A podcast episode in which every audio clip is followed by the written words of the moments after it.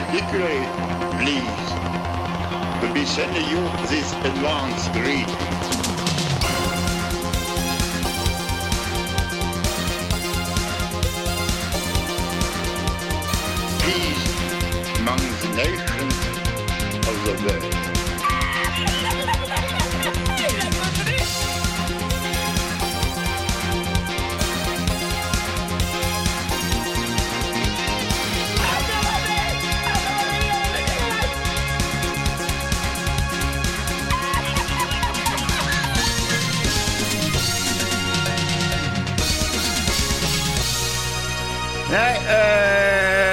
Pedro, jag tänker ska vi köra vidare på... ehm, vi har en film vi har båda sett. Barbie. Jo, men eh, jag och Pekka, vi har, eh, vi har sett film, då inte tillsammans, men eh, på våra olika platser. Men då kan man fråga sig så här.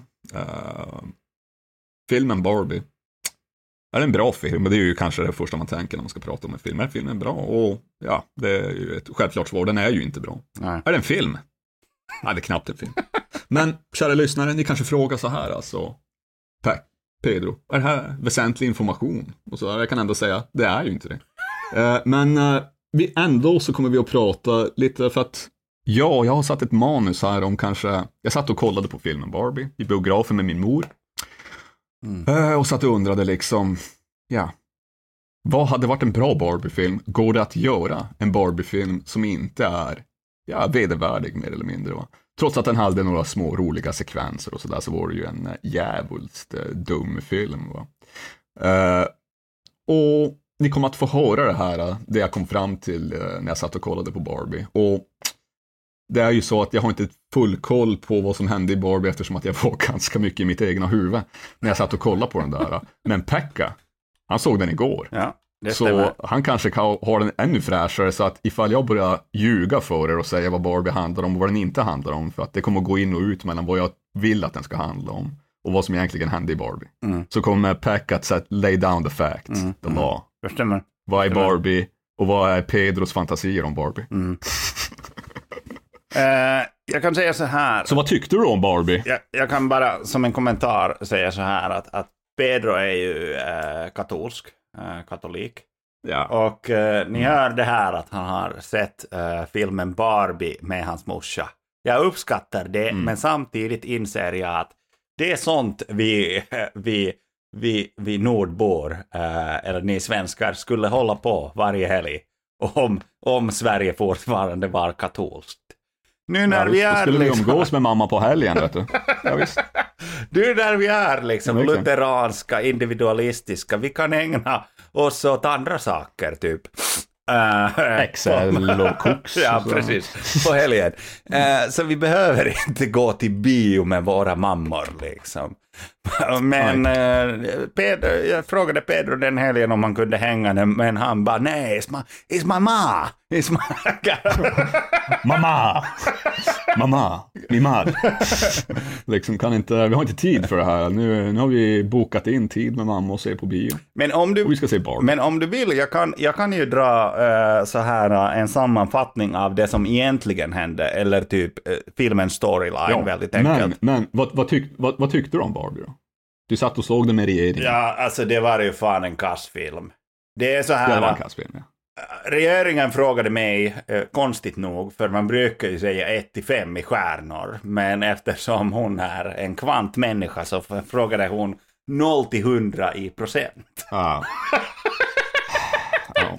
Och då sa jag, för att det låter ändå rimligt, jag sa 40 procent. Och hon bara nej, nej, nej, nej, nej. Det är alldeles för mycket. 30 procent. Det är alldeles mycket. Så. God Så, damn alltså. så någonstans mellan 30 och 40 procent. Jävlar. och liksom så här, filmen, det är ju liksom, okej, det finns två olika världar. Och man skulle kunna liksom tänka att det är lite som Matrix, tänkte jag. Mm. Okej, det, Ja. det finns, det, eller som Freud, om ni verkligen vill. Alltså, alltså det, Och det, och det är ju all, allt är ju roligare med Freud, onekligen.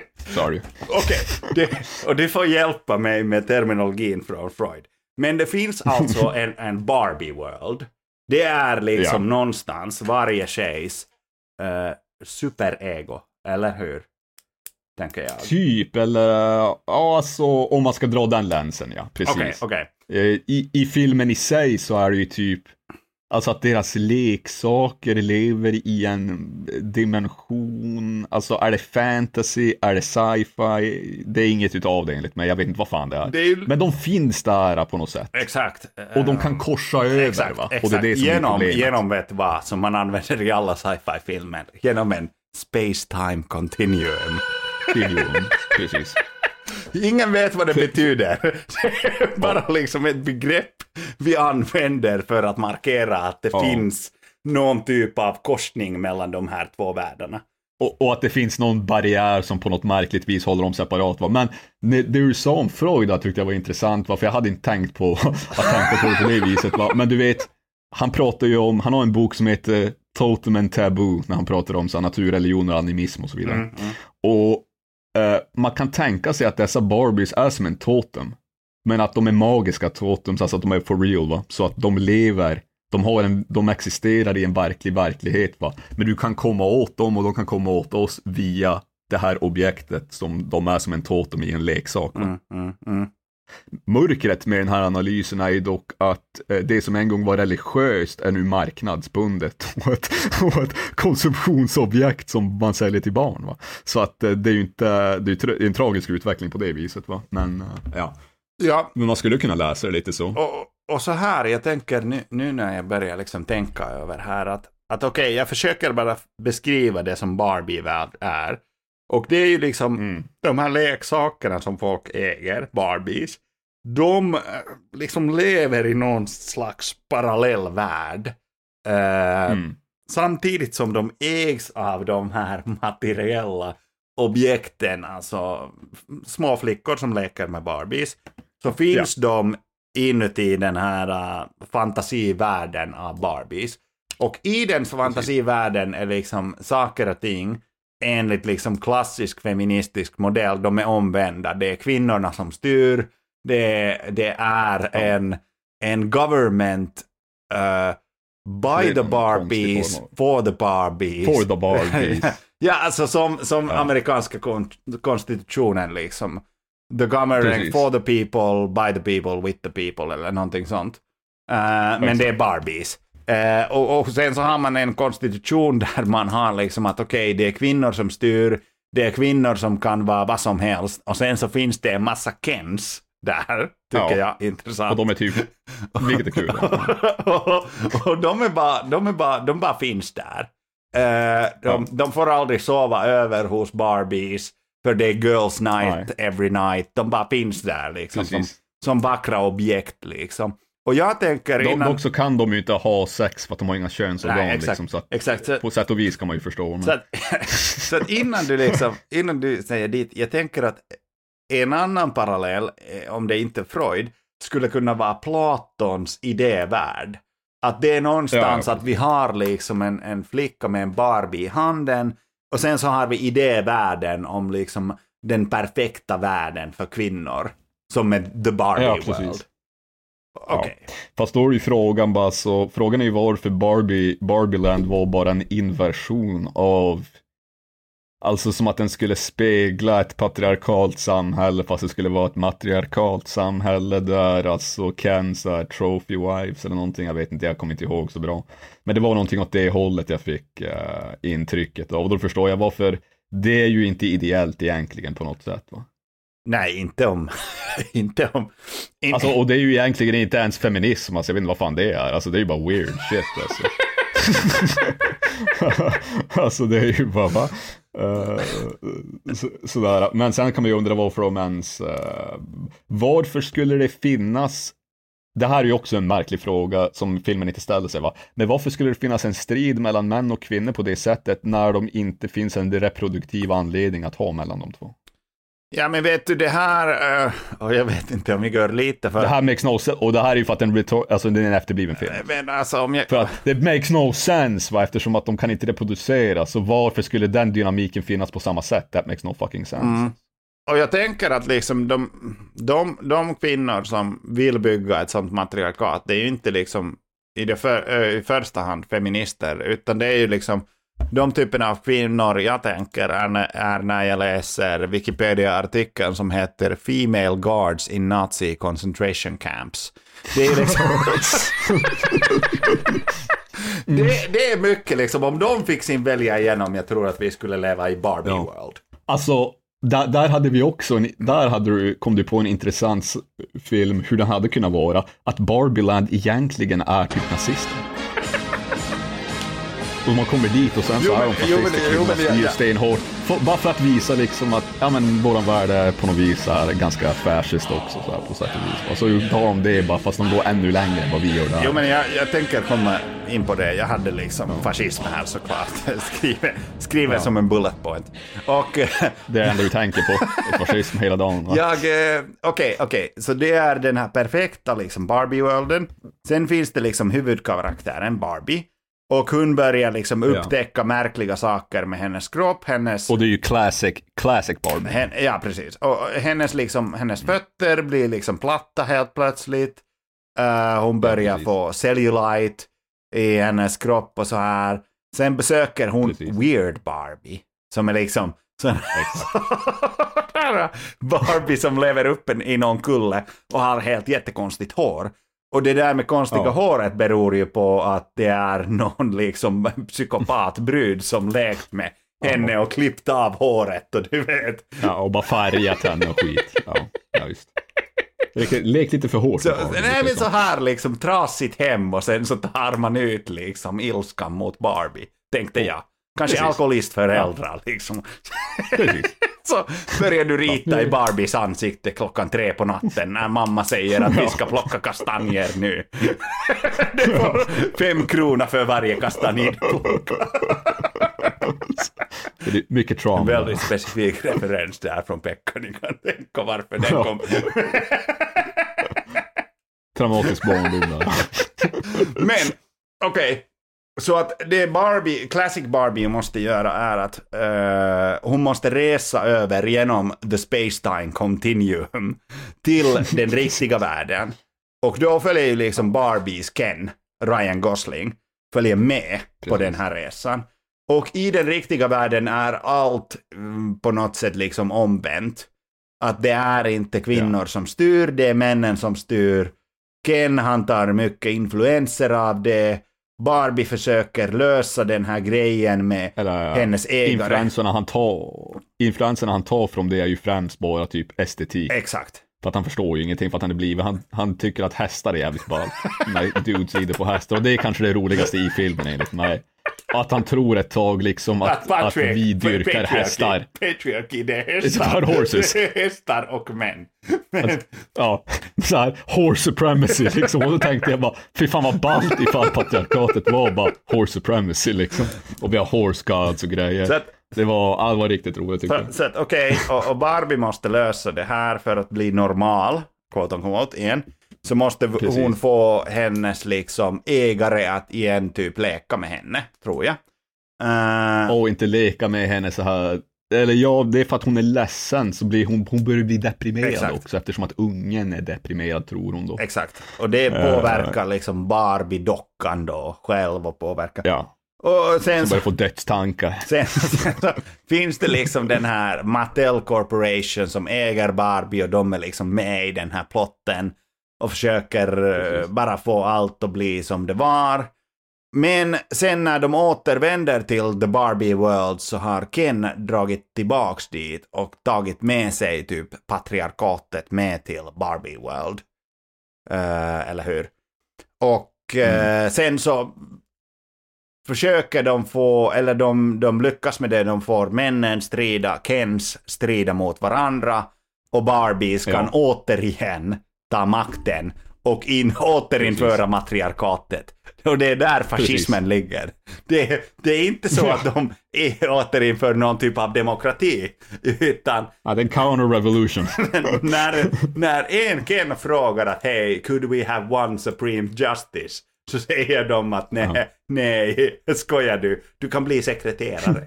Så, så, så, att, så att det, det, är, det är en counter-revolutionary revolution liksom. ja, äh, som pågår. Så, ungefär där och sen så det här var lite konstigt för att sen i slutet av filmen, Barbie är inte nöjd med slutet. Hon vill inte bara vara en Barbie längre, hon vill vara en riktig människa. Och då träffar hon uppfinnaren av Barbie, Ruth någonting, som alltså jag har kollat upp. blir... Jag har kollat upp, är en skattebrottsling. Uh, vill bara ja, flagga visst. för Tacka fan för att hon är... Onekligen är hon det, och det gillar vi inte här i Sverige. Här betalar vill bara, vill bara flagga för det.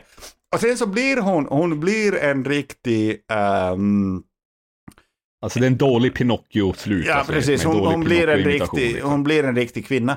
Men det konstiga är att det första hon gör som en människa är att hon går och besöker en gynekolog. Och Ja. där tänkte vi med frugan, är det att hon är gravid? Eller är det att hon tidigare i filmen sa att I have no genitals? Och nu har hon genitals. Ja, men varför går hon inte och knullar? Varför hon till en gynekolog? Det är ju första du gör är ju inte att gå till en gynekolog. finns ingen anledning, det är ju ingenting fel på fittan. Den är ny. Brand new, alltså. Så gå ut och använd den. Sen går du till en gynekolog. Eller som en mörk tanke som jag hade själv, hade Barbie skaffat sig redan en nasty STI som hon måste liksom... STD som hon Oh, ja. måste ta liksom hand om direkt. Dag ett liksom. Precis. Ka- kanske, alltså de visade inte det i filmen, men när hon kom till den riktiga världen så knullade hon Dirr, cheatade på Ken. Och jag måste säga alltså, Ken, ehm, jo, lite av en, en beta-mail, men ändå kanske den skådisen som i filmen gör liksom, han är ju den bästa Det bästa skådisen, jobbet. Ryan, Ryan Gosling, ja. Ja, ja, ja. Han ja är han, gör ju ju in his han gör det bästa med han har att jobba med alltså. In his stupidity. he's, he's perfect. Ja, ja han är ju fantastiskt, eh, fantastiskt rolig karaktär när han gör lite dampiga saker. och, och ska man liksom och han, är, han är bra på att spela dum alltså. Det är han fan. Det är, det är inte så enkelt att spela dum alltså. Nej, och ska man liksom så här visuellt säga liksom positiva saker om filmen, så jag gillar ju hela det här 80-tals-viben med färgerna, med män och kvinnor. By the way, Ja. kan det vara så att det här var en liten vink, nu bara tänker jag högt här. Eh, det, ska man Ja. inte, det ska man inte göra. Nej, livsfarligt att göra det. Men jag gör det nu för en gångs skull. Kan det vara så att liksom det här med att, att hon säger hon har en vagina, ergo hon är Mm. en kvinna. Vilka blir då inte riktiga kvinnor? Jo, det är transkvinnor. Är det här en Mm. vinkning till typ J.K. Rowling? Som säger att eh, vet, trans women are not real women. Var det det Ja, som precis. var liksom slutpunkten med en gynekolog? Det är, Ja, där du, vet. det är där du testas Precis. om du är en riktig kvinna. Aha, exakt. Ja, nej, jag tänker väl mer bara att eh, eh, även transkvinnor har ju en könsorgan. Va? De har bara ett annat könsorgan. De där har inga könsorgan. Och för att bli en människa måste du ha könsorgan, det vill säga du måste procreate and you must die. Jo, Så att säga. men skulle du... Och det är bara första år du blir verklig. Okej, men skulle du ha en penis, du skulle kanske inte besöka en gynekolog. Jag vet inte. Nej, för fan, vi har ju något annat vi går till. Vad är det Urolog. heter? Urolog. De heter väl inte... Urolog, precis. Mm, mm. Och det är för att det är different plumbing. Och vi går ju inte så ofta till urolog, så att säga. Liksom. Nej, det är inte lika, alltså, det är inte lika mycket upkeep för oss alltså. Liksom. Det, det är inte du. Nej, nej, nej. Du har inte så här var tionde gång gratis som jag tänker att tjejer har. Nej. en clipguard. I alla fall i USA. upp i alltså. röven alltså. I alla fall i Mycket USA. prostata du vet och sånt där alltså. Ja, det är det. Vilket. Så att, jag vet, så, så det är ungefär, jag, eh, vad tror du, sammanfattade jag filmen liksom det tillräckligt? här Ja, ja, ja. Det, där, det där är vad jag minns ungefär. Jag tror att de scenerna jag tyckte var mest roliga eller underhållande, det var när de var inne i Mattel Corporation och jagade varandra. Mm. För då blev det som en komedi och en musikal. Det ska ju också sägas att eh, Will Ferrell är ju eh, CEO of eh, Mattel Corporation. Precis. Och det var lite synd för att jag gillar ju, jag är lite av en boomer. Underanvänd var han. Jag, jag gillar, ju jag är alltså. boomer men jag gillar ju Will Ferrell-filmer. Alltså. Det, det är fan skoj. Det, Han är ju sjukt det, det, Man får säga ett garv. Han är en rolig man. liksom. Ja, han är alltid Elf, bra alltså. Elf, Men han var lite, Elf, lite för underanvänd vet du. Elf, den där uh, polisfilmen som han hade med, uh, vad fan hette han? Jo, jo, the, the other Ja, guys. the other guys. Där är han, där är han kanske som bäst. Alltså när han spelar Gator the Pimp i Flashbacks. Alltså är... Men också att han har Eva Mendes, en av de snyggaste kvinnorna någonsin och hela tiden tycker att hon är en ful jävel alltså. Och att han har köpt ner sig. Det är bara jävligt roligt. Det är bara väldigt simpel humor. Ja, vad fan heter han andra snubben, han som var... Uh, Mark Wahlberg. Uh, go, go, ja, just det. Just det. Wahlberg. ja, Mark Wahlberg, när, uh, när han ska ge liksom en kopp till Mark Wahlberg där det står ja. Female Body Inspector. han bara, nej. Skratt, skrattar helt löst liksom. Så, han är ju en Excel-man alltså i den filmen. Det är ju Excel-mannen på Excel. Och han är sjukt bra på att spela Excel-man. Ja, jag vet. Så äh, det, det som var lite synd i filmen, jag tyckte att han hade faktiskt förtjänat en lite större roll. För han är ju ja, liksom, ja, ja. Om, om du ska göra en komedi och du har Will Ferrell med i, i din cast, varför använder du inte mer av Will Ferrell. Antingen så skulle de haft en större roll med att de är inne i Mattel Corporation, eller så borde han ha varit, du vet, en old school Ken som fortfarande lever. Ja, eller en... Alltså, en... Bara, alltså, en vidrig, greasy 60-tals Ken, du vet, som försöker ragga på brudar. Eller alltså, en Ken som tror att han är fortfarande the shit, liksom, tänker jag. Precis. En old time, alltså precis, ett en snubbe som inte är cool och mer men tror att han är jävligt Exakt. cool. Han är bra på det också. Exakt. Så att jag tror det där är typ min sammanfattning av det som egentligen händer i filmen. Men du hade Exakt. någon spaning över vad som egentligen, vad som borde ha hänt i filmen. Det är en vanlig grej ja, man gör man... efter en film, att man börjar skriva själv tankar. Att hur skulle den här filmen kunna bli bättre? Man, man, precis, man skriver en kort liten sån här manus med bullet points. Bara, men alltså, om jag hade gjort den här filmen, om eh, om Konrad Stalin kom med en pistol och satte den bredvid mitt huvud och sa nu ska du göra en jävla Barbie-film åt, åt Sovjetunionen. Uh, och den ska vara bra. Vad fan hade jag gjort då alltså? Då är man livrädd. Går det att göra? Är det möjligt? Uh, jag, tror att, jag tror att man kan ändå göra den jävligt mycket mer underhållande. Det blir en bra film. Troligen inte. Va? Men man skulle kunna göra någonting kul med, du vet, uh, jag försökte blanda in lite, alltså Barbieland måste ju vara lite, du vet, Disney World, det är lite Knäckebihult, det är sommar, Skara Sommarland, alltså det är en... Eh, det är Bullerbyn. En fiktionell plats, precis, det är Bullerbyn, det är en fiktionell plats som på något vis mörkar det faktum att uh, hela världen är Bullerbyn. Mm. Hela världen, eller att hela världen nu är Barbie. Mm. Liksom. Land. Eh, Barbie World. Disney World, ja. liksom. Precis. Alltså att, uh, men också att Barbieland och Barbie World, det finns ju här och det är ju och det är lite det jag vill komma in på. Jag vill köra en, eh, eftersom att det kommer att Stalin, du vet, som tvingat mig att göra den här filmen, så ska jag vara lite socialrealism, tänker jag. Okej, okay, okay. Ingen jävla space time continuums, inte två världar. Det finns en värld. Okay. Och vi lever i Barbieland. Mm. Så är det. Vi börjar så här, vi tar, vi tar på en resa här eh, som, eh, som Pedro. Pedro försöker här få ut sitt manus för att göra film i framtiden. Så Finns det screenwriters eller regissörer som känner sig taggade? Ja. Jag börjar så här. Mm. Uh, hela västvärlden är numera Las Vegas, Disneyland och Knäckebyhull, Skara Sommarland. Man kan säga att det är som en, en spegelbild eller en reflektion som är lite mer påtaglig än den gången. Eh, alltså är mer påtaglig än alltså än den tiden den reflekterar lite grann. Eh, så jag tänker att Barbieland och Barbie World eller vad vi kallar den, den är inte separat. Barbieland är Hollywood. Det är Malibu och det är Bel Air. Det är Beverly Crest. Det är alla de här fina ställena eh, som eh, jag och du aldrig kommer att bli insläppta på Pekka. Vi kommer att stå där utanför grindarna och, och, och, kolla in med stora ögon. Eh, så i den här filmen så är det de som lever där. Eh, de är plastdockor som fortfarande tror sig vara människor. Eller ännu värre, de tror sig vara folk som oss. Pekka. Det är de inte. Eh, och då och då, de här Barbie-människorna, kanske ett par gånger i månaden så väljer de att resa utanför sitt rike, utanför sina gated community, för att iaktta folken vars ansikten och kroppsformar som det är och förvrängt om oss alla. Eh, så i den här världen så är det vi som är eh, de riktiga människorna och de där, eh, de är lite, mm, ja, de är mer likt Barbies, va? så att säga. De är Nietzsches last man. Va? Det är folket mot the last man. Det är lite så jag sätter upp den. Uh, och det första jag har skrivit, det här är lite inledningen till våran kära lyssnare. Vi börjar med en av deras månadsturer. Vi följer Barbie och Ken när de tar sig an, tar sig från Bel Air för att gå bland massan så att de kan laddas upp av våra längtande ögon, av våran fascination och våran dyrkan, men kanske också avundsjuka och vrede som vi alla har mot dem. men det går inte ensamma. Nej, nej, de har en guide, en bodyguard, som i det här fallet råkar vara en och samma man.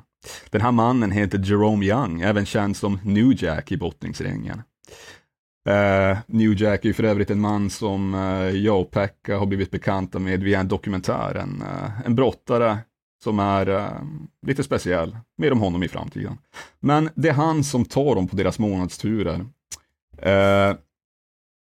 och för att förklara lite, den här New Jack, han är från USAs stöder North Carolina specifikt. Han är lite byggd som en offensive lineman i amerikansk fotboll. Det vill säga, han kanske är stark, han är inte så snabb, han har inte en sexig kropp, men han får jobbet gjort. Ja.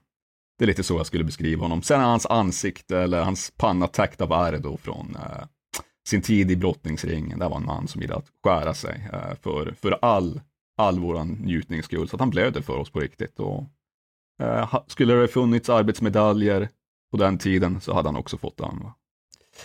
Eh, men de reser, de tar sig ut, han tar dem till downtown, till Compton, till Watts, för att sedan avsluta resan i avgrunden, i Skid Row. Men denna gång så får inte Barbie och Ken ut det som de verkligen suktar efter. För varje område som New Jack har tagit dem till så tycks likgiltigheten som folk ger till dem bara öka exponentiellt. Även i Skid Row så är det som att ingen känner igen dem. Även i Skid Row. Precis. Alltså till och med där, folk som, folk som är enligt dem skit, va? så inte ens de bryr sig om eh, de vackra kläderna de har på sig och känner igen deras ansikten. Va? Eh, där är, eh, så de blir lite förundrade, de får inte ut det de vill ha av resan. De blir lite förfärade över det hela. Barbie frågar Ken, är det för att vi inte ser bra, nog bra ut? Är det våra kläder? Är det hur vi går? Varför ser de oss inte som de brukar se oss? Är vi inte längre fascinerade? Det blir en tyst resa hem i deras Be Chevrolet Bel Air. New Jack sitter och iakttar dem via backspegeln. Han stirrar ut genom fönstret på sitt passagerarfönster med en blick som tycks vara inåtvänd. När de kommer fram till Barbielands pärleportar så tittar Barbie och Ken på varandra, som om de hade en telepatisk förmåga. Deras tystnad bryts när Ken säger till New Jack. Skulle du kanske vilja följa med in till Barbieland? Ken Hogan alltså Hulk Hogan, ska nämligen ha en enorm fest här där sam samtliga Barbielandare är inbjudna. Han har till och med skapat en enorm wrestlingring som omger hela hans egendom. Självklart finns det också en ring inne och vi tänkte kanske att uh, det skulle bli en överraskning för honom om du skulle vilja uppträda för oss alla, kanske med honom i själva verket. Och självklart kommer vi att uh, kompensera dig för detta. Och uh, New Jack som sedan länge har lagt sin karriär bakom sig får en typ av acid flashback som består av hans finaste stunder i ringen. Bland annat hans dykningar från 10 meter ovanför ringen där han störtar ner på sina motståndare. Dykningar som ofta tagit genom både diverse möbler, alltså både han och sin motståndare. Hans hets mot folkgrupper, oftast rednecks och hillbillies, eller vita överlag. Hot mot polisen, knivhuggningar med hemmagjorda knivar och skalpeller mot sina motståndare det här är en man som underhåller och han tänker, fan, fuck it, det är dags för en sista match. Så det här min saga lite tar slut, Pekka. Mm. Jag har skrivit fram till pärleporten och så tänker jag, vad sker innanför portarnas gränser? Vad sker när New Jack tar sig in dit? Mm. Kanske är det så att uh, våra, våra lyssnare får avsluta denna story. Mm. Det blir en sån här, uh, det blir en interaktion med oss, en interactive story. Och vad menar du att finns inuti de här pärleporten? Eller eh, hur tänker du? Ja, alltså de kommer in till Barbieland nu. Ja, just det. För det, Han jag, blir inbjuden. Jag har en tanke. Nu kommer det, eller du vet, de fick inte ut det de ville få ut av sin resa, så då måste de ta ut världen utanför in. Okej. Okay. De måste ta in en apa. Mm. Men då är frågan, kommer New Jack att vara deras apa när han kommer in dit? Kommer han att performa för dem? Nej, för de är inte folk. Nej. New Jack performar för folket. Ja. Det han kommer att göra är att visa till folket att dessa människor är inte folk. Så här, jag har två tankar. Eh, jag har en tanke om eh, eh, hur jag tror, eh, vad, vad är en passande beskrivning för Barbie, uh, Barbie World, Ba- Barbie Land eller Barbie World. Ja. Så här, in, Barbie Land kanske ja. Barbie Land, så här intertextuellt. Och, och en tanke kring eh, hur jag tror att det hade, var, var jag trodde egentligen att du hade placerat Barbie i LA. Mm. Jag trodde att du skulle dra parallellen till eh, en skådespelare som heter Gina Carrera. Som är ju känd från filmen Stiff Competition, som vi har pratat Ja. om i den här podden. Att det är... Det, det är hon som är Barbie, ja. Det är exakt Eller det. så är det, eller, eller så är det hon som tar sig in i Barbieland och fördärvar. Alltså det är, man kan gå either way där. Men du har rätt, hon från Stiff Competition, det är hon som är, Exakt. hon bör alltså, ha en jag huvudroll i den här. liksom- Det är kanske hon och New Jack som är, som är hjältarna. För att det som, Hon- det som ja, irriterade mig i riktiga Barbie lite var att okej, jag vet inte vad heter den här huvudskådespelerskan i den... eh, Margot Robbie, eller hur? Just Ja. så heter hon. Så jag tänkte lite att det, det, som, det som var lite liksom irriterande att okej, hon får ta human form och så här. You will die one day. Men hon är fortfarande fan Margot Robbie. Hon ser ut som Margot Robbie. Det här borde ha varit en, en vanlig brud. Nej, min flickvän, eller liksom regeringen här hemma gick ännu längre och hon sa att okej, men kan hon inte återfödas som en handikappad, liksom äh, äh, äh, fet brud i Honduras och kolla hur kul det är att leva utanför Barbieland. Ja, precis. Det är, det är väldigt sant det. Det är väldigt sant. Så att jag tänkte att hon får, hon får börja liksom, när hon, när hon kommer, hon gjort det här valet, att, att Ruth, den här upptäckaren av Barbie, säger att är du nu helt säker att du vill byta form till mänsklig form? Det hon återföds i är som Gina Carrera i uh, Stiff Competition. Och i början av... suck your way to the top och alltså. i början av Stiff Competition, när det är fortfarande såna här street suckings som pågår Precis. liksom i alleyways. Det är som drag racing. Unlawful competition så att säga. Underground Så att, fighting. så att hon får helt enkelt liksom, hon, nu är hon en människa, hon får jobba liksom sin väg upp genom liksom. Alltså hon får Ja, bli, hon, hon är bara en, en, en brud som heter Gina Carrera. Men jobbar hon bra så blir hon Tammy the Tongue. Det blir liksom... Hon fan tand the tongue, alltså precis. Hon måste förtjäna sin, sin, eh, så vet, sin, eh, identi sin identitet. Exakt, Bara, exakt. Du blir inte Tammy the tongue. Du kan inte födas som Tammy the tongue, you gotta become. Nej, nej. You gotta become Tammy the Tongue så att du har liksom en massa pensionärer som hurrar för dig. När de tittar Ja, på livesändningen från boxningsringen. Där du ger avsugningar liksom. Det, det, Ja, men du, du, gav mig, eh, du gav mig inspiration här Fack, att, för då har vi två, två outside dirty elements som, för, för, som förintar eh, uh, Barbieland när de kommer in. Du har New Jack, en brottare som hela tiden hotar vad som är verkligt och overkligt i brottningsringen. Han var en sån man som totalt förvirrade folk. Kommer han att mörda någon? Mördar han någon just nu? Jag vet inte. Och sen så har du Tammy the Tongue, kvinna som från the back alleys har sugit sig till toppen och alltså i en sport som ansågs vara dekadent och nu är mainstream. Va? Det här är människor som inte, de, eh, de repre- representerar oss alla, va? alla våra struggles här. Och det de gör, det är kanske att det kulminerar i något form av förnedringsrån in i Barbieland, tänker jag. Alltså ett avmaskerande, så att säga. Kanske. Och, och, och, om, en, om en liten stund kommer vi in på uh, förnedringszon. Men jag vill ännu liksom säga att när, när jag började tänka på Barbieland mer så började jag liksom tänka att okej, det påminner mig faktiskt om vad författaren Hunter S. Thompson skrev i boken eh, Fear and Loathing in Las Vegas. När de besöker kasinon The Circus Circus så skriver han så här. The Circus Circus is what the whole world, uh, whole hep world would be doing Saturday night if the Nazis had won the war. This is Ja, ja, the sixth Reich. Ja, ja, ja. Det är, också, det är också märkligt att han väljer the sixth Reich. Alltså, Det var ju Third Reich. Vad fan hände med fjärde och femte? Liksom... Ja, men alltså det fjärde är ju EU och femte USA. Ja, just det. Six Strike. Så det är Las Vegas. The Circus Ja. Circus. Ja. Så jag tänker att det är ju lite alltså, hade nazisterna vunnit kriget, Barbie Land skulle vara det vi skulle Ja. göra varje lördag, Precis.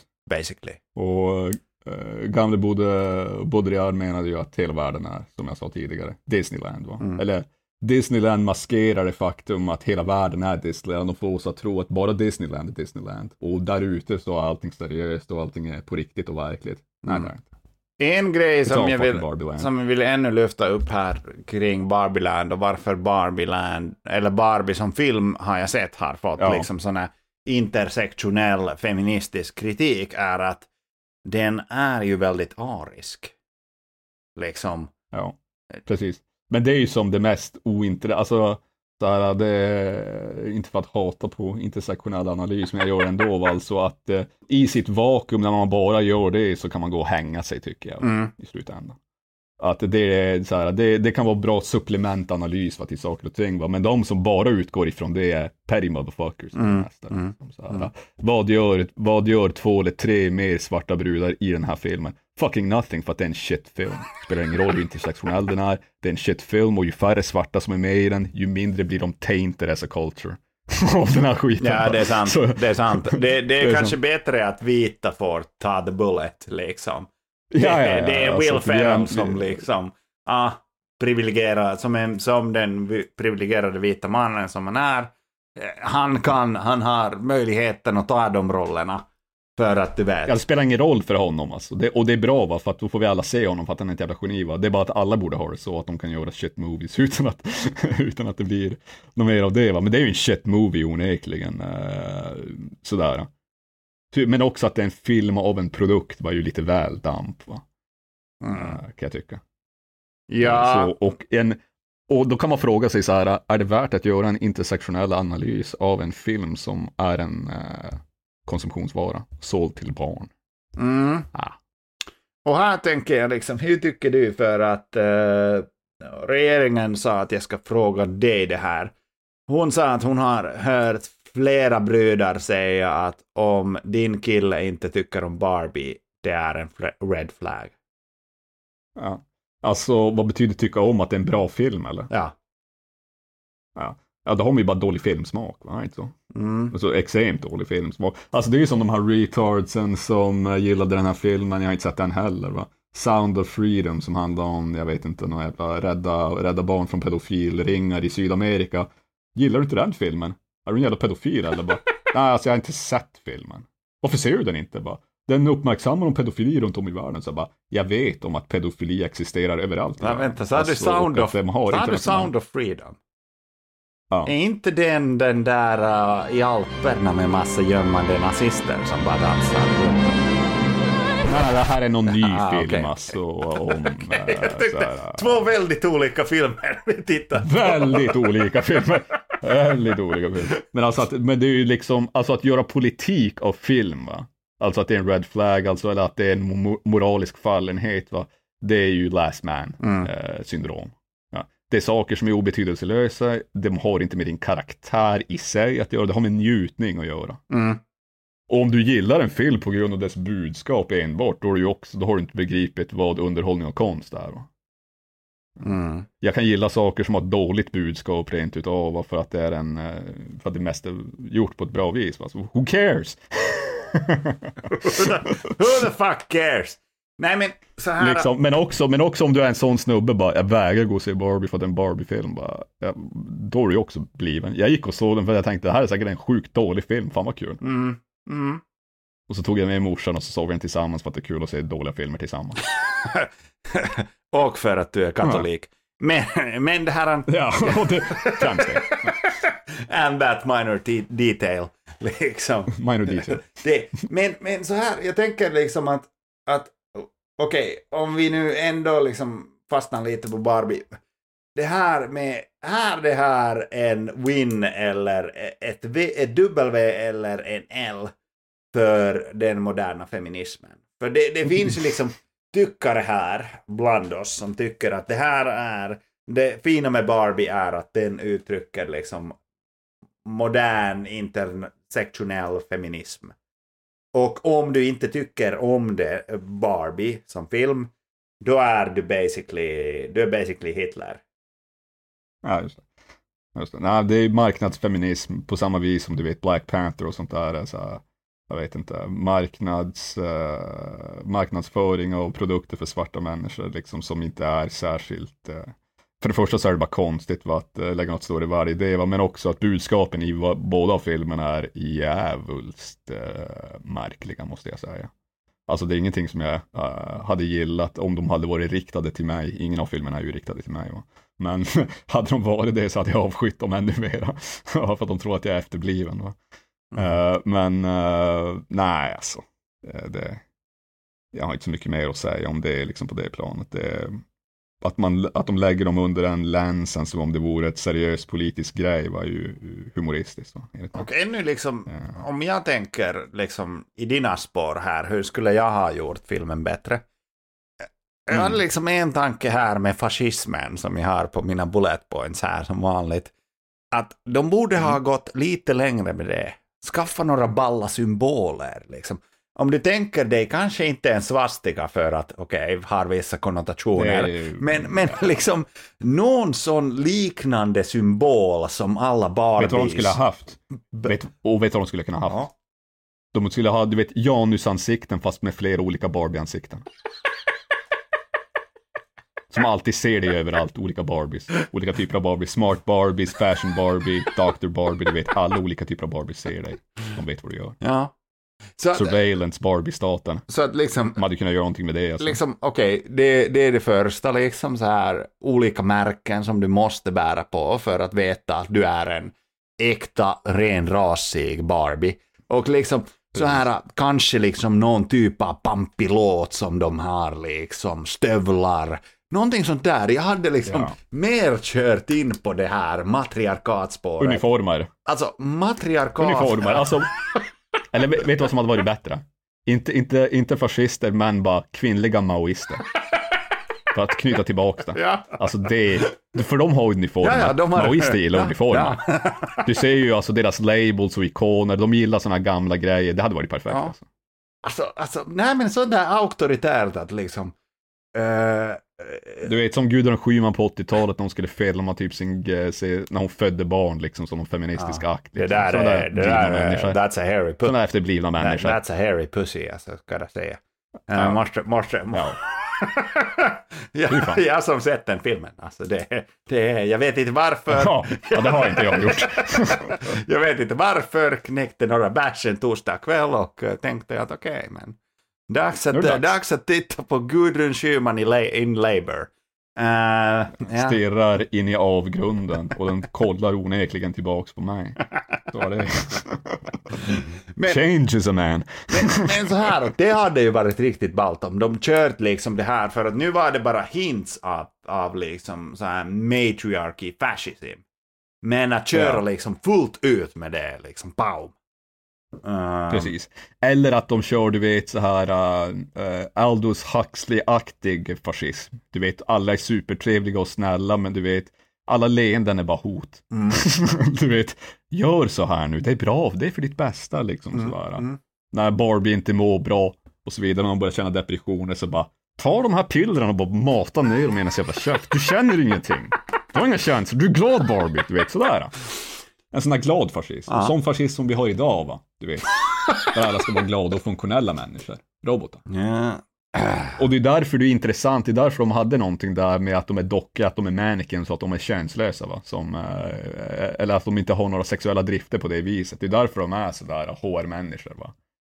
Eh, och varför ingenting är, men under ytan så vet vi. Under ytan. det är någonting jävligt fucked up där alltså. Ja, ja. Liksom. De bara sitter framför tvn och stirrar på mm. Sådär. Vad gör de när Ken går hem? Inte har någon girl party. De sitter där och dricker vatten som inte existerar. De är psykopater. De sitter och tränar hur man ser bra ut, det är det de gör alltså. Nej, men det... De hade kunnat göra lite såhär Patrick Bateman-grejer där, att hon är någon ba alltså, det, hur mycket som helst. Alltså. Ja. Nej, det är det, det, är det, men liksom lite mer det här... Att de är själslösa och så ja, vidare. Alltså. alltså lite mer det, Det är som här. Mao säger, du vet. Ja. Ja, alltså sådär. Barbie dödar en hund och känner ingenting. Liksom. Ja, bara kolla på. Ja. Går därifrån. Ingen replik, alltså ingen, det är bara en tyst scen. Så här. Det hade varit helt fucked up alltså. Det hade varit helt fucked up. Riktigt bra också. Ja, alltså det, man, det, ja, det, det, det är en enorm failure va, för att du vet, de är dockor och dockor ser ut som, som ser ut som oss. Det är haunting va. Ja. Det är någonting fel med det. De är som doppelgangers som ska inte existera. De är perfekta också, de är bättre än oss. Jag vet, What the fuck, jag vet alltså. Pedro, de hade bara kunnat göra det så mycket bättre. Men jag tänker att så här, som, som litet slutklaver här så hade jag skrivit ner att vi ska jämföra den här filmen eftersom den uppenbarligen är inte den eh, sanna feministiska klassikern som vi behövde. Uh, Nej, just det. Det finns en mycket, mycket Ja, bättre. exakt. Och det är ju eh, den ursprungliga Alien-filmen eh, från 1900. Alien 2 är också bra, men specifikt i hjärtat. Exakt. Det är en jävla feministisk Från utan dess like, alltså. 1979 med, vad fan heter hon? Sigourney, Sigourney Weaver. Weaver. Ja. Hennes namn är värt att känna till. Också väldigt svårt att skriva eller uttala. Men, men, men, men alltså, hon i den filmen, det jag gillar med den filmen är att liksom, man behöver inte markera faktumet att hon är en kvinna. Hon bara är Nej, nej, nej. det. Det är oväsentligt. Det är också oväsentligt i det hon gör. Va? Det är inte centralt i hennes identitet. Hennes identitet är en ledare. Mm.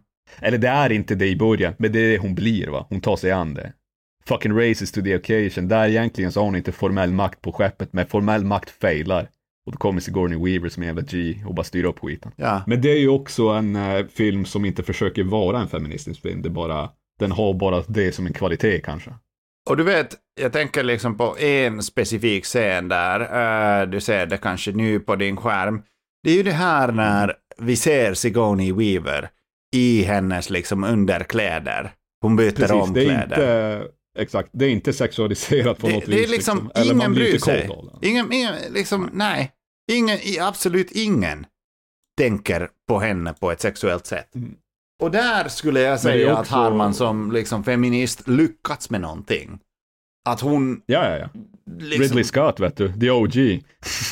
Alltså, där ingen har eh, någon tanke om att hon är liksom en sexsymbol i Nej. den här filmen. Även om hon, alltså jag tycker att hon ser helt liksom, bra ut och så. Men eh, det är någonting med Nej, själva där, filmen eh, liksom, att, att man bara... Ja, Hennes identitet är ju av alltså, kompetens, makt och ledarskap där. ja, Eh, så då finns inte eh, en erotik kring henne. och du, du tänker liksom, det är ganska sådana här tajta liksom scener. Men det är Jo, jo. ingen som markerar på det. Nej, det, för det, det kan inte bli så på grund av hur hon framställs i filmen. Ja. Oavsett vad de visar. Ja. Så, eh, ja. Det, och det var ju ganska ovanligt för den tiden, Ja. ja. man säga. Säkert. Så jag måste säga, eh, kids där ute, eh, tips för barnen. Det är, eh, om ni behöver en sann feministisk hjälte så blir det uh, Sigourney Weaver från Sigourney. första Alien-filmen 1979. Alien 2, den är helt okej, men problemet där är att hon, hon är ju en modersfigur. Ergo Ja. så tänker man mer på henne som en mamma. Ja. Eh, Dock är ju båda filmerna jävligt bra, va? jag gillar första bättre, men eh, hon är bet- hennes roll är mer intressant i första. Mm.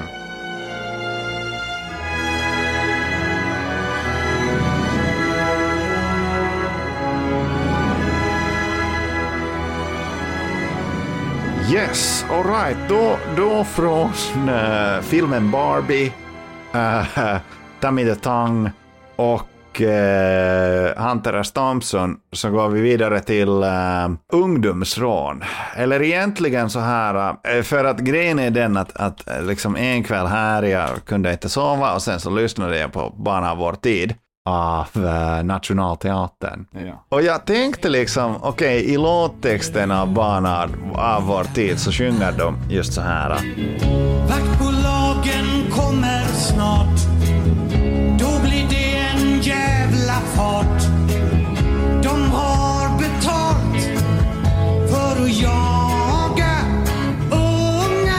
några ungar. Och, nå- och någonstans där, jag liksom, jag måste säga att någonstans där jag fattar liksom grejen. Och speciellt fantastiskt i den här låten är, tycker jag, eh, verserna Tinnertrasan vandrar mellan husen. Tinnertrasan tänder alla ljusen.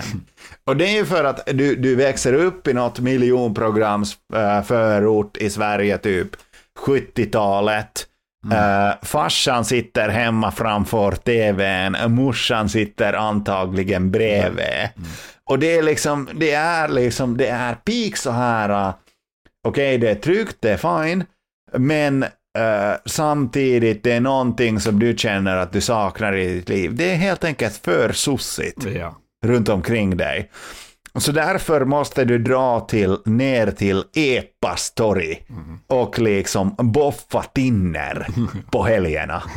Och, och någonstans sån där typ av ungdomsbrottslighet, eh, det kan jag förstå. Och där kan jag också ställa mig frågan, liksom, är du rädd för ditt eget barn? Eller hur? Lilla mamma. Det, det, det, det är bra. Det är bra. Men dagens ämne, eller det, det, vi da, det idag Det är lite andra grejer. det är lite andra grejer. Det är lite, liksom, så här, jag kan inte tänka mig att Nationalteatern, om den liksom fanns 2023, att det skulle kunna göra en låt utav förnedringsrånen som nu pågår. alltså, det är väldigt svårt att liksom idealisera liksom beteendet där. Det. Och det jag har försökt att göra inför liksom dagens avsnitt, det är att jag har försökt titta igenom olika källor. Vad finns det för statistik? Vad finns det för studier kring detta? Ingenting. Till min, till min mindre för, förvåning så finns det absolut ingenting.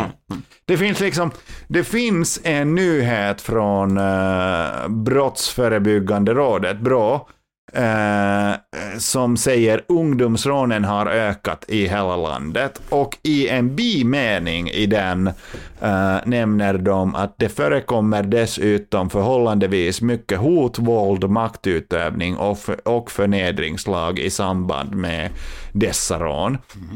Och samma sak när jag, liksom, när jag googlade förnedringsrån, eh, det som jag som, som liksom Uh, hit 1 här på Google får upp är en C-uppsats för, eh, från en H. Lindholm som har skrivit en C-uppsats i kriminologi, förnedringsrån som statusmarkör.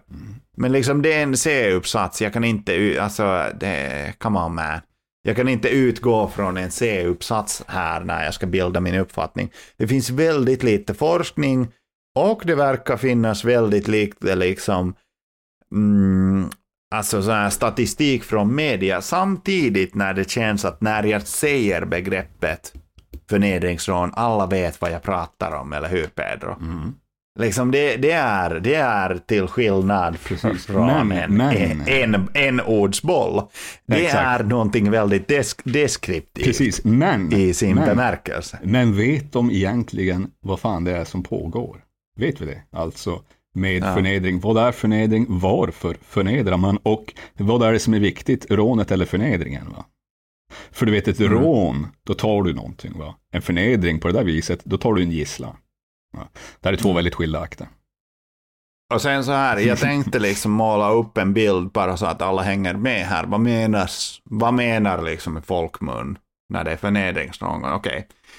Eh, Det är flera olika markörer. Det första är att det brukar vara flera förövare, ett offer. Mm. Eller i alla fall mindre offer än förövare. Ja. Eh, Det brukar vara så att det är olika etniciteter på förövaren och offret. Offret brukar vara etniskt svensk och förövarna ja, icke-europeer, om jag uttrycker mig milt Mm. här. Eh, andra inslag brukar ju vara att man är ute efter märkeskläder, man är ute efter mobiltelefoner, um, typ Kanada-gosjackor, sånt här som, som är liksom statusgrejer och äga. Ehm, och uh, det fjärde, femte inslaget här, det har, det har ganska mycket så här sexuella, uh, nästan barbariska inslag, de här, eller barbariska, men liksom det har ett väldigt primitivt, liksom, hur ska jag kunna uttrycka mig här, Pedro, milt liksom, det är vissa primitiva inslag. Det är lite så här, det är lite penisar. Det är lite eh, kiss i mun. Det är det som utgör liksom, för att okej, om en snubbe du, bara vet, kommer fram söker, till dig. eh, Ja. vet vad jag tror du söker efter? Mm, mm. Det de håller på med är rituell förnedring. Det är vad de håller på med. Exakt. Och då ska man fråga, Ja. och det har ingenting med rån att göra. De må ta saker och ting va, eller så vidare, har ingenting med rån att göra. Det är inte det, är inte det det handlar om. Va. Eh, det här med statusmarkörer och så vidare kan vara med del av spelet, va? men det här, man måste ha klart för sig vad, vad det är som pågår liksom och sådär. Och vad, vad fan, vad, vad är ett rån till skillnad från det liksom och sådär. Det, det kan vi ta lite längre fram. Va? Men vad skulle du fråga? Mm. Eh, vad skulle jag fråga? Nej, jag skulle... Nej, vi kan släppa det, men jag tror att folk hänger med här vad jag menar när jag säger förnedringsrån. Uh, Alltså det är rån med förnedringsinslag. Antingen sexuellt eller någonting. Du vill förminska eh, objektet Ja. i I fråga. och sen så kan det vara två olika liksom saker här. Eh, Einar, katten i trakten, snubben som, som nu två år sedan eller någonting eh, sköts ihjäl.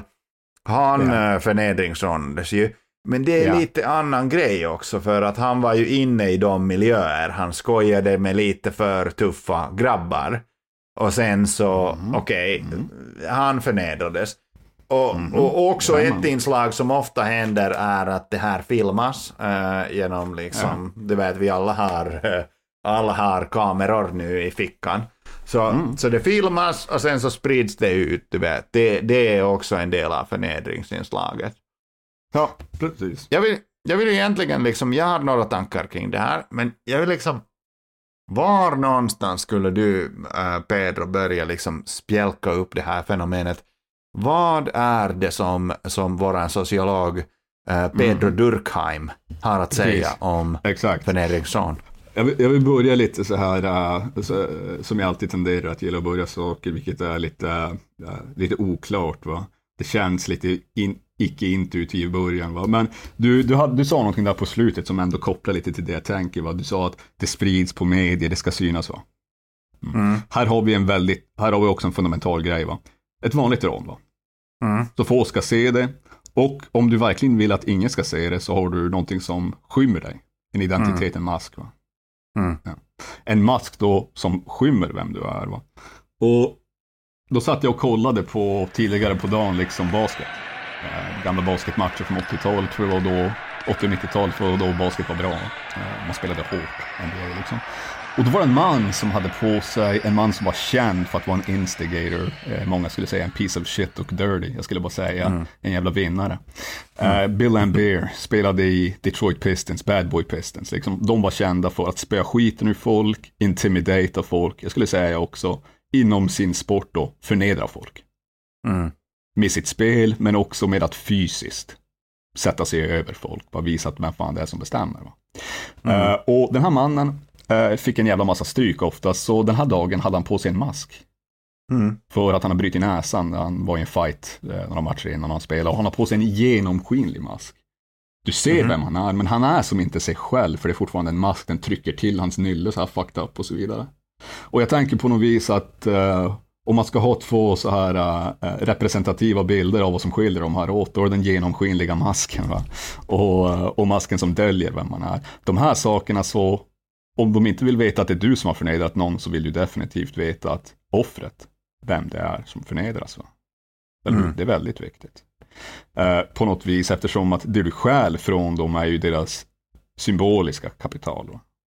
Mm. Inte deras pengakapital, va? det är oväsentligt. Det är inte ett ekonomiskt rationellt brott på det viset. Det är inte därför man gör det. Det du säger där är primitivt och så vidare. Det som ter sig primitivt för oss, alltså när vi är, eftersom att vi är moderna människor i ett industriellt samhälle, det är att saker som är motiverade av icke-ekonomiska faktorer är irrationellt och på något vis då mest troligen barbariskt. Och det är för att den talar en helt annan logik. Va? Mm. Den är inte ute efter samma saker, den har andra begär. Och, eh, och det är eh, eh, och det är statusbegär på sätt och vis. Va? Men vad är det de värderar? Vad är det du gör när du tar en annans mask från dem? Va? Du vill visa på något sätt att de inte är real. Va? Realness, att vara äkta, att vara verklig. Va? Eller hur? Mm. Är den jag säger man är och så vidare. Det vill säga, eh, den här personen har en mask på sig som inte han står bakom. Va? Han står Mm. inte fullt ut bakom det. Vi kommer visa er nu liksom att man kan ta av den här masken. Och då förblir den av. Mm. Att säga. De här andra människorna som kanske har en mask också. De kanske intalar Mm. sig att de verkligen är det de är. Va? Men ingen är det man säger att man är. Eller hur? Mm. Mm. Alla har, bär vi masker och vi försöker bli någonting. Va? Mm. Eh, och när du klär av någon på det där viset, eh, då har du tömt dem. Mm. Eller hur? Helt och Mm. hållet. Eh, det, det, det skulle vara min sådär uh, generella, generella inblick. Sen också att ehm, när du säger att det är sexuellt, va? Mm. Det är sexuellt på det här sättet i att det är förföriskt, va? I att eh, det du vill är att inte bara, för makt är på många sätt och vis intertwined va? med, alltså sammanflätad, sammanlänkad med eh, sexualitet. Va? Det är därför makt är också, den här formen av makt är en perversion. Va? Men så här, om vi... ehm, För jag vill bara inflika här att eh, vi har faktiskt planerat att ta upp uh, förnedringsrån eh, ganska länge nu. Ja. Eh, men det har varit lite så att, att det var faktiskt Pekkas idé, men sen började han tvivla. Är det här too controversial of a subject för Pedro Ja. Pekka? Och överlag bara, han, han fick liksom inte, inte till, liksom, han kunde inte hitta studier om det här. Och sen varje gång vi har spelat in så har Pedro bara tryckt på att nej, vi måste prata om förnedringsrån. Så jag börjar nästan tänka så här, varför vill Pedro prata så jävla gärna om förnedringsrån? Det, det, är, eh, det är någonting eh, märkligt att han har fastnat dit. Men okej, skillnad mellan ett vanligt rån och ett förnedringsrån. Jag listade ju upp några eh, Ja. typer av liksom såna här exemplar som att liksom, det finns vissa inslag och så. Liksom. Men har du, har du funderat någonting mer kring liksom, Alltså det, här? det enda jag tänker är liksom att översätta det till mer alltså, eh, abstrakt.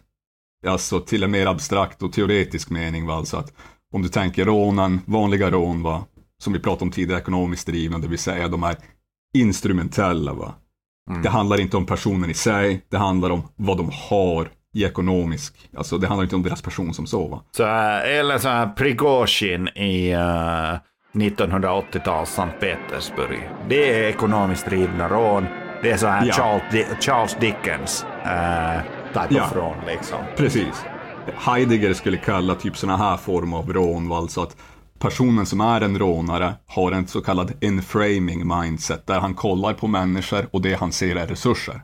På samma sätt som ett företag när den kollar på vatten kanske ser vattenkraft och inte ser en vacker flod. Va?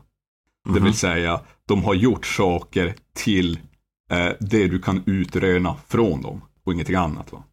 Just det. Det, är det, här, det här är en ekonomiskt driven rationalitet, det här är en industriell rationalitet på många sätt och vis. va. Eh, det här är inte det förening, förnedringsrån drivs av och de kan definitivt inte förklaras utifrån det på något vis.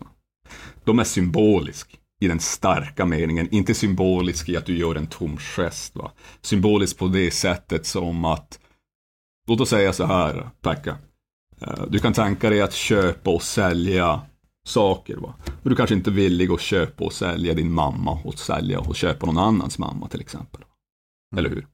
Och det är Och för jag att det fattar finns inte varför Pedro drar min mamma in i det här. Alltså. För att protestanter, som vi har sagt tidigare, de kanske. Fuck din mamma alltså. Håll min, ma- håll min mamma borta från det här. Ja, alltså jag menar liksom att det finns saker som är heliga. Va? Mm. saker som är, det är otänkbart Det är att du definitivt inte en någonsin... mamma för en protestant, men visst. Ja. Precis, ja, exakt. Men att, exakt, Hälften, den är- hälften av lyssnarkåren här hänger inte med när han De säger mamma med. och helig liksom. precis. Bara, What the fuck menar han liksom? Vad fan menar han alltså? Va? Ja, men den är symbolisk i den starka meningen. Och det jag, det jag sa tidigare där att eh, du är en pengaresurs för eh, den vanliga ekonomiska rånaren. För den andra så är, alltså i den symboliska meningen, då ser du inte en pengaresurs. Det du ser är en gissla. Mm. Den här gisslan kan du göra vad du vill med. Den kan lekas med. Den ska gå med på det du säger. Och du kan göra vad du vill med den. Mhm. Det är en helt annan dynamik, helt annan relation. Va? Syftet är annorlunda. Vad som är i spel är annorlunda. Eh, det, är väl, eh, det är väl så jag skulle så här eh, initiellt säga, ja, de, de går inte att jämföra. Och då kan man ju fråga liksom, vad det är som driver sånt. Och många skulle säkert tänka sig, du vet, så här, du vet, eh, eh, sociala medier och så vidare. Va? Eh, Men det är ju bara ett sätt att disseminera saker någonting, va? det är ett medium. Va? Mm. Det är inte syftet till det. Liksom alltså ett, eh, ett statusfixerat, statusfixerat så som det är i vårt samhälle. Va? Eh, har det varit väldigt länge. Alltså konsumtionsstatus. Va? Mm. Vilket är den formen av status vi har. Va? Det är ju det som har existerat sedan vi alla har levt va? i alla fall. Eh, de andra formerna av status började ju sakta men säkert att dö där i början av 1900-talet. Va? Tidigare Mm. former. Och de här eh, handlar om mer, som du sa, vad du sa primitiva va? och jag skulle också säga det, va? men inte primitiv i en negativ mening. I att det är mm, dummare va, eller att det är alltså sådär, alltså att det är primitivt på det viset att det är eh, det här är en logik du finner i uh, förfeodala samhällen, i antika samhällen, i klan och stamsamhällen. Mm. Det vill säga i samhällen som var symboliskt drivna samhällen. Även eh, feodala tider var ju symboliskt drivna om man kollar på hur de bestraffade folk. Va? De bestraffade kroppen och kroppen var symboliskt laddad och den hade vissa Mm, alltså om en kvinna hade till exempel varit eh, otrogen mot sin man så kunde hon få gå igenom kyrkan naken och smutsig och, och så vidare. För att hennes kropp skulle signifiera hennes synd. Och synden skulle vara öppen för alla att se. Va? Så det är en poetisk form av bestraffning. Va? Och det de håller på med här är poesi, va? i den meningen. Alltså cruel poetry. Så det är sofistikerat är det på ett vis, va? Alltså, oavsett vad man tycker om det, alltså att det är eh, brutalt. Va? Mm. Mm. Men eh, du som läst en del från honom, eh, Michel Foucault. Eh, Ja. Blir det här inte en, ut, en, en väldigt liksom tydlig markör på en power structure som han pratar om? Beror på. De är ju in, det är ju en informal power structure, men ja. Men du fattar hur jag tänker. Du fattar hur jag tänker. Och jag vet inte när vi ska komma in på de sexuella inslagen för jag har några inblick i det. Uh, inte personliga då. Men, eh, men ändå liksom att, att det är ju någonting med att uh, med liksom power structures här. Alltså om det handlar om makt. Du vill, du egentligen så är du bara någon dude. Någon liksom Ahmed eh, från orten som vill råna en Canada Goose-jacka. Och sen så slutar det med att du pissar liksom någon snubbe som heter Pontus i munnen. Precis. Och eh, det är ju liksom en utövning av power, eh, det, det blir en power structure fast du egentligen kanske inte har någon power. Eller alltså, det är, en, eh, det är en power relation specifikt mellan två män, för det finns ingen utomstående struktur som enforcar detta, eftersom att det här är, det finns inte varken i juridik eller någonting. Va? Det här är alltså en power relation mellan folk då. Va? Uh, jag skulle dock inte använda Foucault för att uttrycka sådana här saker, då är det mer uh, Durkheim och, och kanske Baudrillard på, på sikt liksom. Men, men jag fattar vad du menar och jag skulle säga så här, du vet det du sa om, eh, du tog upp den där C-uppsatsen, vad som pratade om, uh, du tog inte upp den, men du nämnde den. Mm, ja. Om, var- Statusmarkör. Precis.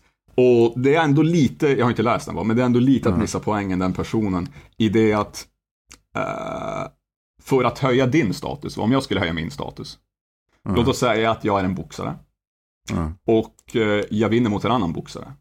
Mm. Det höjer min status. Eftersom att vi båda är boxare, vi är båda medlemmar i denna profession, vi har färdigheter, det betyder någonting. Om jag går ut på stan som en boxare och spöar skiten ur någon, höjer det min status i någons ögon? Vad betyder det? Det betyder att jag kan opa skiten ur en civil som inte kan slåss. Va? Det höjer inte min status. Så när de säger att det handlar om statushöjande, va? alltså att höja din egna status, när du förnedrar en person på det där viset, du höjer inte din status. Du tar deras nej, från dem. Nej, nej, nej, nej, nej.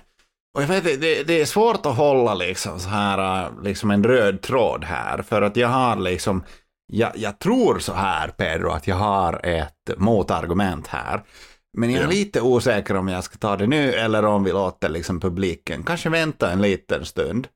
För att eh, så här, jag tänker vi har diskuterat, men så här skriver The Swedish Shield.se som har skrivit en artikel som heter Hur skyddar du dig mot för, förnedringsrån?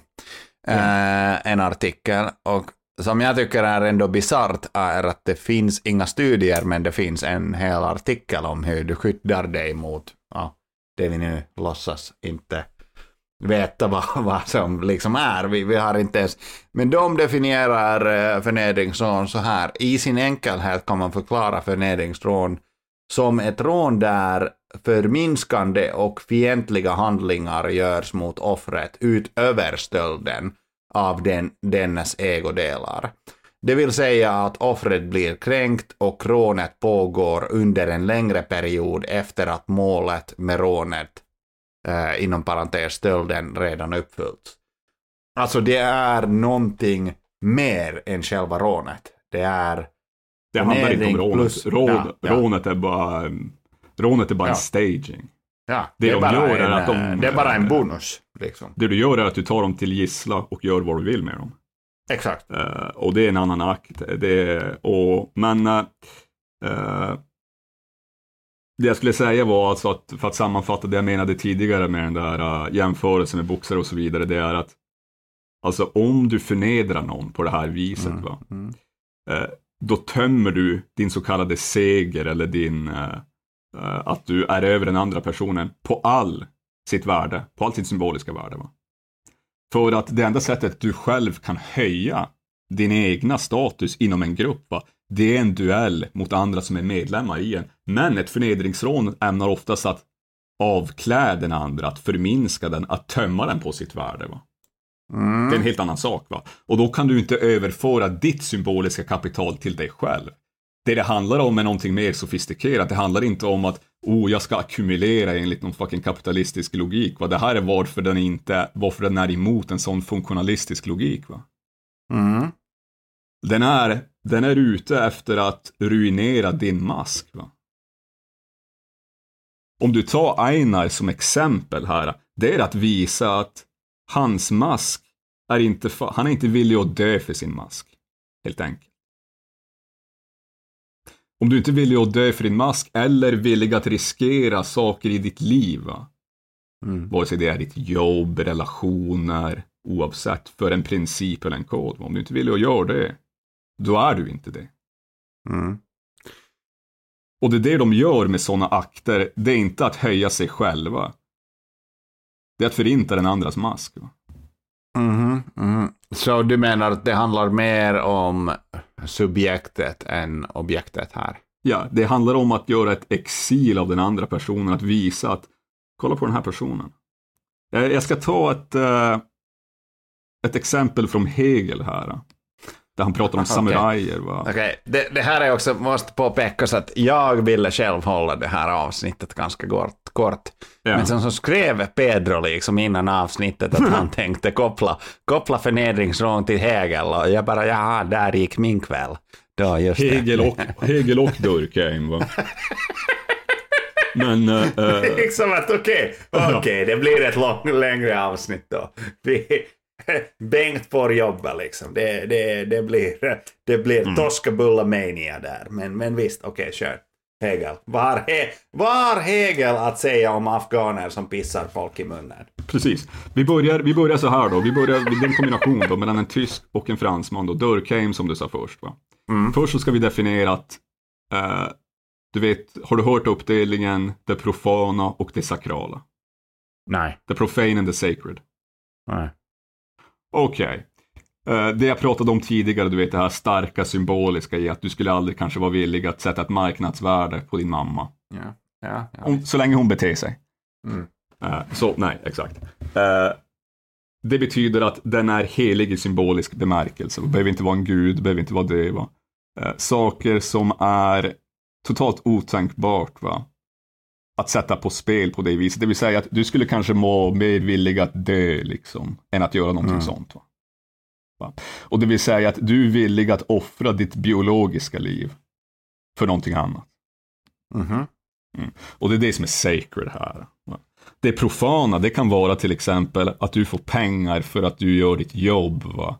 Att eh, du går och handlar saker. Va? Mm. Det vill säga att det finns en ekvivalens mellan tid och pengar, en ekvivalens mellan pengar och varor och så vidare. Det är Mm. profant. va. Men saker som är sacred, det finns ingen ekvivalens. De är inte utbytbara mot någonting. Någonsin. Vare sig det är en person, en kod eller någonting annat. Mm. Det är värre än en död. Va?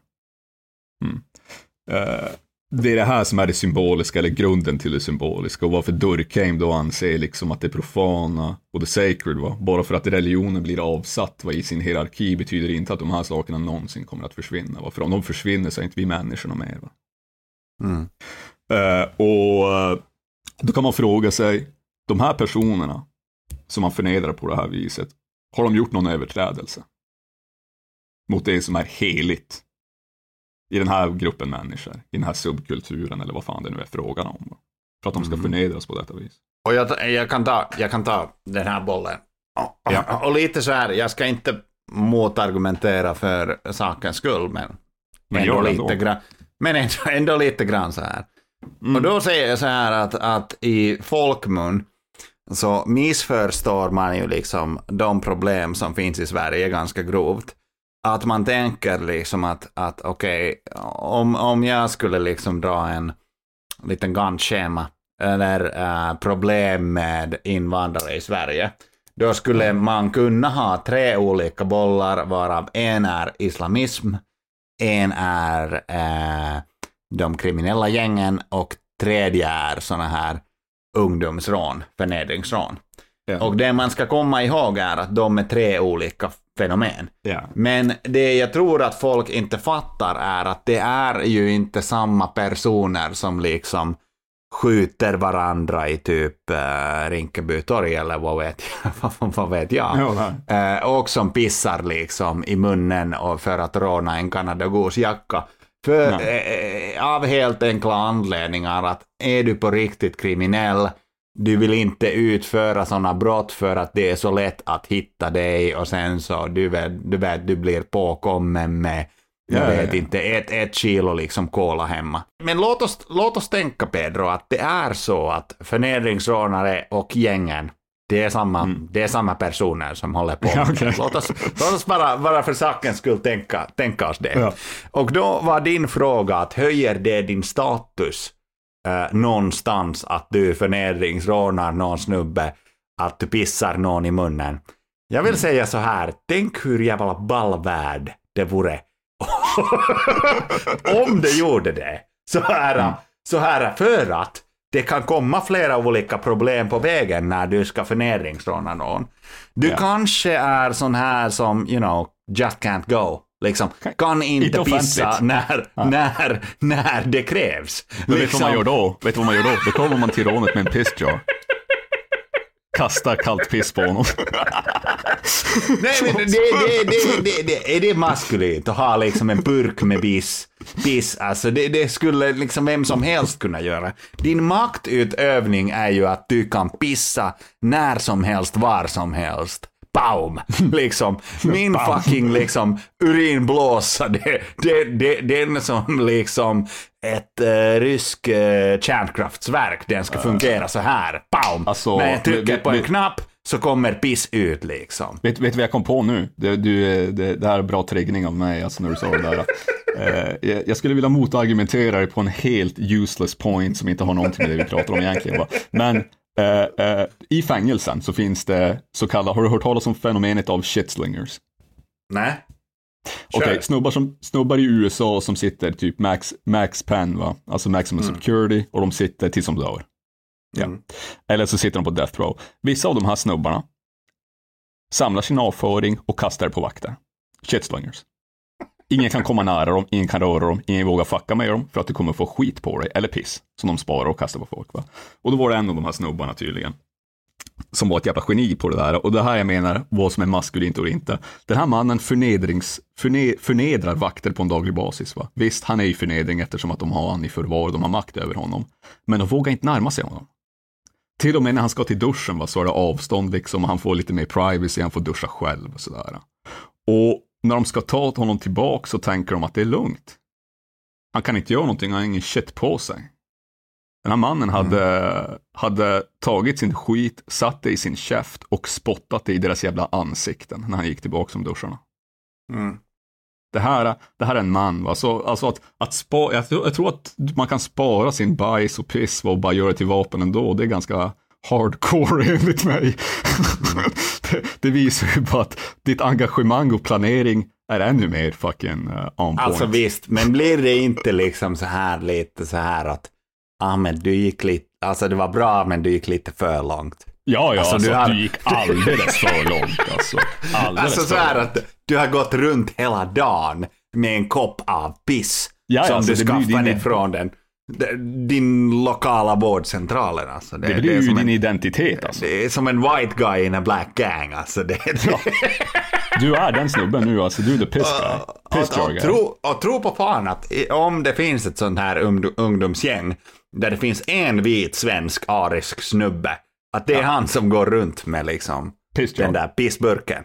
Ja visst, det är Dave Chappelles crazy white guy alltså. Det är, uh, you gotta watch out for those Det guys. är, liksom. det är kvinnan i Guantanamo Bay. Alltså. Ja, det, det, det, Tycker, vi, tycker vi att den här snubben uh, är weird som fan som går omkring med piss? Ja. Vågar vi säga det till honom? Nej.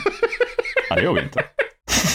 I helvete att vi gör det. så så att jag, jag vill bara återgå till det där, för att min, min tanke här var att du sa att höjer det din status någonstans? Nej. Men ponera att det var så här att eh, förnedringsrånare och gäng, det, det är samma typ av grupp. Okej. Precis. Och då skulle den här gängen rangordna Utifrån prestationer. utifrån ja, presentation. Ja, ja. Men, men vet du vad det skulle bli då? Det skulle bli som poliser som rankas utifrån hur många de haffar. Då skulle de bara bli poliser fast de pissar på Nej, folk. men inte kanske ens kvantitet, utan så här kvalitet i rollen. Ja! Liksom. Men då blir, ju- men då blir de ju artister alltså. Då blir de ju pissartister, alltså förnedringsartister. Tänk dig en guldera med förnedringsrån, liksom de mest banala, konstiga. Guldera. Surrealistiska. Hehe. Tänk, tänk, om, tänk, om, tänk om du kommer och du ska råna en businessman och businessmannen säger till dig så här. Nej, nej, nej, ta inte min plånbok, förnedra mig istället. Mm. Tänk om vi lever i en sån värld där folk föredrar förnedringarna till, till att bli av med sina pengar. Men egentligen alltså, för det här har vi pratat om tidigare, jag bara kom på tanken nu, är att Ja. har vi inte liksom, för vi har pratat om till exempel, säg nu mobbning eh, på högstadiet, gympaklassen, jaga Ja. varandra med våta handdukar Ja. och så här. Är det inte också en form av förnedring? Mm. Som pågår Men, där? men, men vet du vad som är skillnaden? Nej. Init, initiatorisk förnedring och sån där förnedring som är ämnade att excommunicate dig för alltid. Och alltså med ren och skär mobbing. eh, det, det, det är ju, det finns ju likheter. Mm. Det finns ju likheter va, men eh, det beror på hur långt mobbingen går. Du vet varför mobbingen kan ju gå till det att det blir kriminellt alltså. Ja. så att säga. Eh, och då är det ju, då är det, enligt, då är det lite weird att kalla det mobbing va, så att säga. Mm. Du vet, det finns ju hazing. eh, alltså när du ska bli med i en ny grupp många gånger så är det någon form av sådär att du ska åta dig saker, liksom som alla andra har åtagit dig, så det blir en pakt. Va? För alla grupper måste vara en pakt och inte ett kontrakt och så vidare. Och tror du att i vissa grupper det är att pissa folk i mun? Som är liksom grejen. Jag, ho- jag, jag hoppas inte det i alla fall. Men eh, alltså, om alla gör det så är det ju i slutändan, då har ju alla gjort det va? enligt mig, så who cares?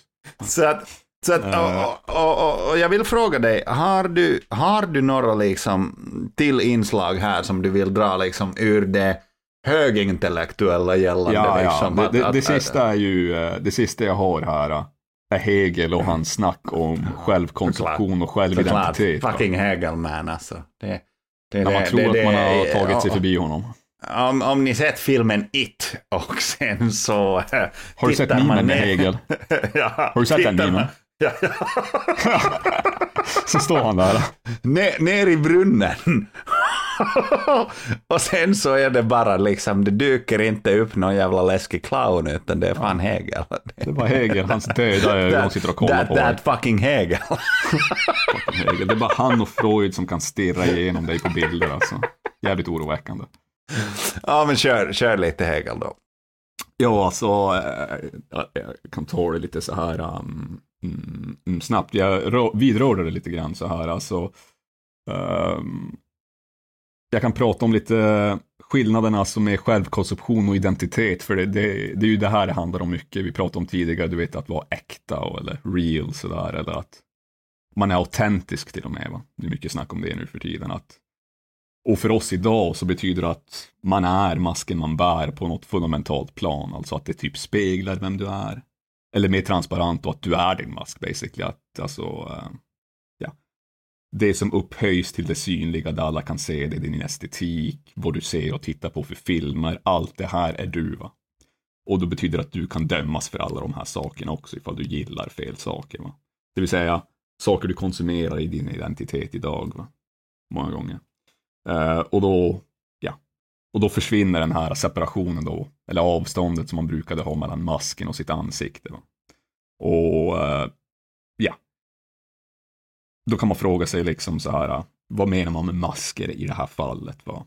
Eh, och då kan man dra den här skillnaden, va? och det pratade vi också om tidigare, liksom att du har den biologiska personen, va? människan i sig själv, liksom som en kroppslig varelse som har ja, begär och så vidare som har att göra med vår fysiska existens. Va? Och det är människan Mm. i sig själv, skulle vi kunna säga här, en lite hegeliansk term, va? the thing in itself, va? som han Mm. lånade från Kant. Va? Men sen så Ting hade han an då, sich heter det ju på tyska. mycket, mycket nice där. Mm. Får han flexa, flexa med tyskan där. Eh, men sen så har du ju då eh, människan för sig själv. Ja. Och det är alltså Mm. personens masker, alltså personens roller, plikter. Generellt, dens självkonception. Va? Och då är distinktionen relativt klar och det här är mer, mer alltså en klassisk syn då på människan, hur den var lite tidigare. Va? Även om vi kanske försöker utgå ifrån det här så har det blivit väldigt co- confused. Va? Mm. Eh, Men relationen här blir ju då att människan kan sträva mot att förhålla sig till en viss självkonception. Mm. Men du är den aldrig. va? Det vill säga det finns en skillnad på ditt sociala varande och ditt biologiska varande. Va?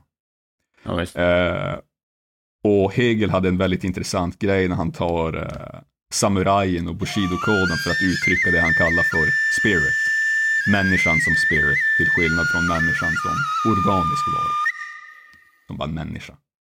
Eh, och han säger så här liksom. Eh, för dessa då, samurajer, liksom, så betyder det att man identifierar sig med en kod som man är villig att riskera saker för eller offra saker för. Mm. Och det är sig ting då som transformerar människan från att vara en organism till en ande då, enligt honom. Alltså Mm. att förhålla sig till de här sakerna. Och samurajer för honom representerar ett extremfall då i att de är villiga att riskera och offra sitt biologiska liv för en kod, en plikt eller dylikt. Eh, Mm. Alltså kontra deras biologiska självbevaring och rena begär då som hör till det. Mm. Eh, och jag drar ett citat här snabbt då som är, jag hittade bara på, eh, på engelska liksom. Eh, två citat. Det första är It's only through staking one's life that freedom is won. Only thus Mm. is it proved that for self-consciousness its Mhm. essential being is not just being, not the immediate form in which it appears, not submerged in the expanse of life, but rather that it is there is nothing present in it which could not be regarded as vanishing moments. That is only pure self-being. Ja. Så implikationen är att biologiska livet inte är den essentiella delen av en själv, ifall man är villig att offra det va? för någonting. För någonting högre, va? för en mask då så att säga. Och så här säger han då. To be samurai was to identify oneself with the ideal code of conduct. In a situation requiring seppuku, det vill säga eh, själv, den här rituella självmordet de gör. Either the biological organism or the samurai must be destroyed, for the existence of the one has become incomparable or incompatible with the existence of the other. Failure hmm. to commit biological suicide in such a case would be the suicide of the samurai, who would be survived only by an animal. The animal had been merely the necessary condition of the existence of the samurai, like the presence of oxygen in the atmosphere, which is important to us, but which is not the reason for why we for how we identify ourselves. No doubt, even s- sincere and committed samurai must have hoped that such situations would never arise. But when and if it did, failure to act appropriately according to samurai practices would make uh, would make it in the case that one had never been a samurai, but only an animal who sometimes aspired to be one. One would thereby demonstrate that one was not, in oneself, what one had taken oneself to be, what one was for oneself. The decision as to whether to risk one's actual life or to surrender the ideal self conception is a decision about who one is. Och det är det här det som står på spel enligt mig i sådana här förnedringsrån. Vänta, vänta, vänta. Så du menar att... du, du menar att det här är Abdis försök att vara samuraj när Nej, han nej, nej, pissar björn i munnen? Nej, nej, nej. Det För om det de- är så, det, det är fucking hilarious. ja, det, man skulle kunna läsa det så. Nej, det är att det här är stunden för de som blir förnedrade. Att visa Aha, att de okej. är samurajer. Aha, att de kan ta emot. test. Som, som en samuraj så tar du emot. Liksom. Det vill säga, om någon förnedringsrånar dig i en situation där det är det värsta som kan hända, där du inte längre är en member of the group, Ja. då måste du se till att du är villig att dö. Det är det enda sättet att äh, rädda masken. Exakt. Så att, så här vill jag säga. Läs Så det är ditt inte... liv eller din mask? Ja. Exakt. Så att ni som, ni som kommer eller ni som ska bli förnedringsrånade eller Ja. har en risk, löper en risk för det. Läs i, inte på swedishshield.se hur skyddar du dig mot förnedringsrån. Lyssna på Pedro här. Ta Ja. dig emot som en man, som en samuraj. Det är bara att välja liksom, alltså slåss tillbaks eller ta emot. Exakt. Det är bara två val. Ja, och, och, och jag hade en sån här tanke att tänk på sjuk grej om, om liksom folk som någon gång kanske i framtiden blir förnedringsrånare och de tar dina tips. Det är så här att du Alltså, det, kan ju leda liksom... till, det, det kan ju leda till död alltså. Det ska man ha jävligt nej, klart nej, nej, alltså, alltså, hear, me, hear me out, alltså, kan Jaha. vara en sjuk grej. Så här, du är på väg hem, let's say från typ fotbollsträningen, klockan är typ åtta på kvällen, men det är Sverige så det är mörkt. Eh, det är typ åtta grabb, grabbar bakom dig som säger att hej, jag vill ha din jacka och dina hörlurar, din fucking Ja. svenne. Eh, det första du gör, det är att du faller ner på knä, sluter ögonen och öppnar munnen. ja, För att, Jag vet du varför? För att du är en samuraj. du är beredd nu alltså. Och, och vet du vad? Jag tror att det skulle psyka sönder dem alltså. Det skulle fan psyka Det, sönder dem. det, det är det. Det är det. De skulle Vad gå fan- hem, alltså. Vad fan skulle du göra liksom? Nej, är snubben är inte... Snubben Han är är inte rädd. alltså. Han är tunder alltså. Vad fan är det här? Get the fuck out of here. Han är inte rädd alls. Han, han tänker bara en, ta emot. äh, är du någon sjuk jävla gängmedlem eller bara? Nej, nej, en uh, POP-lyssnare. Va? Vad fan är det? Ja, podcast. Tänk bara, sluter ögonen, öppnar munnen, Visst. som en samuraj, tänker ta emot det. Ja. Det är, uh, herregud, men, men jag hade liksom, jag hade några tankar kvar här. Och det, Yes. det var ju dels, dels liksom det här, jag, jag uppskattar att vi liksom analyserat det i så stor eh, Ja, liksom, teoretisk detalj. Man går för långt. Men, det är bra det. Men, men nej, det är helt okej liksom. Vi, vi kom ju fram till en slutsats.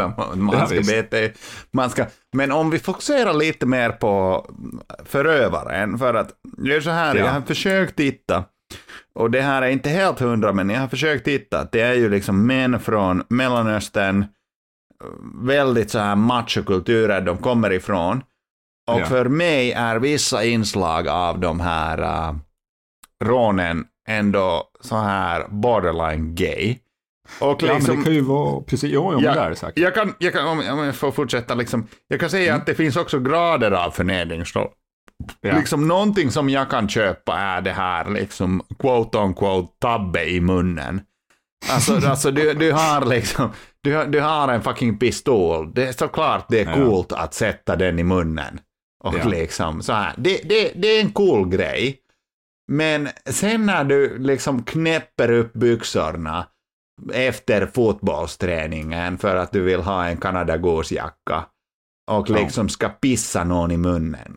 Det är bara, starts to get weird man. Alltså, Ja, det är weird. Men det är alltså, det är... That's the real shit baby. The real shit. Alltså, start to get weird då. Det är betydligt, vet, alltså eh, tabbe, tabbe i mun-grejen, det är coolt. Minns liksom de här sexuella inslag med liksom att ta en slak penis och liksom presentera den för en annan man. och säga till mannen att du ska öppna munnen och kunna go when you wanna go. För att det var också en grej att det, Ja. många av oss har ju liksom svårt, alltså, sådana här blygkissare liksom. Ja, kan visst. inte kissa när som helst. nej. Att du kan verkligen liksom eh, när som helst. Och här vill jag... Tänk jag om de vill- går jag omkring vill- med så en liters vattenflaskor överallt på halsar. Jo, jo och, och där vill jag faktiskt tack för att du tog upp det. För att jag, frå, jag satt igår på Clubhouse och eh, jag frågade en av våra lyssnare som är faktiskt läkare, Majken, hon ska få en tack här. Jag frågade Nice. att vad händer egentligen om jag dricker för mycket piss? Och hon sa att ingenting kommer att hända. Eh, det värsta, det, piss är mest liksom natrium, salter och typ olika slagprodukter, men din kropp är så stark att den kommer kunna ta emot det. Men hon sa också att eh, ju mer koncentrerad piss, liksom, desto farligare. Ja. Så att om man verkligen vill vara liksom en sån här... Piece of shit alltså. en piece of shit, så har man inte druckit alls vatten hela dagen och det är helt så här gul och äcklig piss liksom.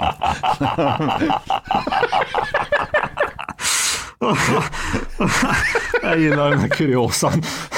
Det är kunskapen gör en till en bättre förnedringsrånare man pluggar på om, om pisskoncentration.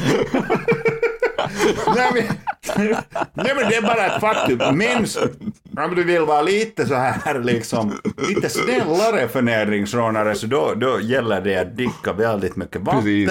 Så att det är som bara vatten som liksom- kommer ut. Ja, som att det är nästan som bara vatten. Liksom. Mm. Du har två vägar att ta där. Mm.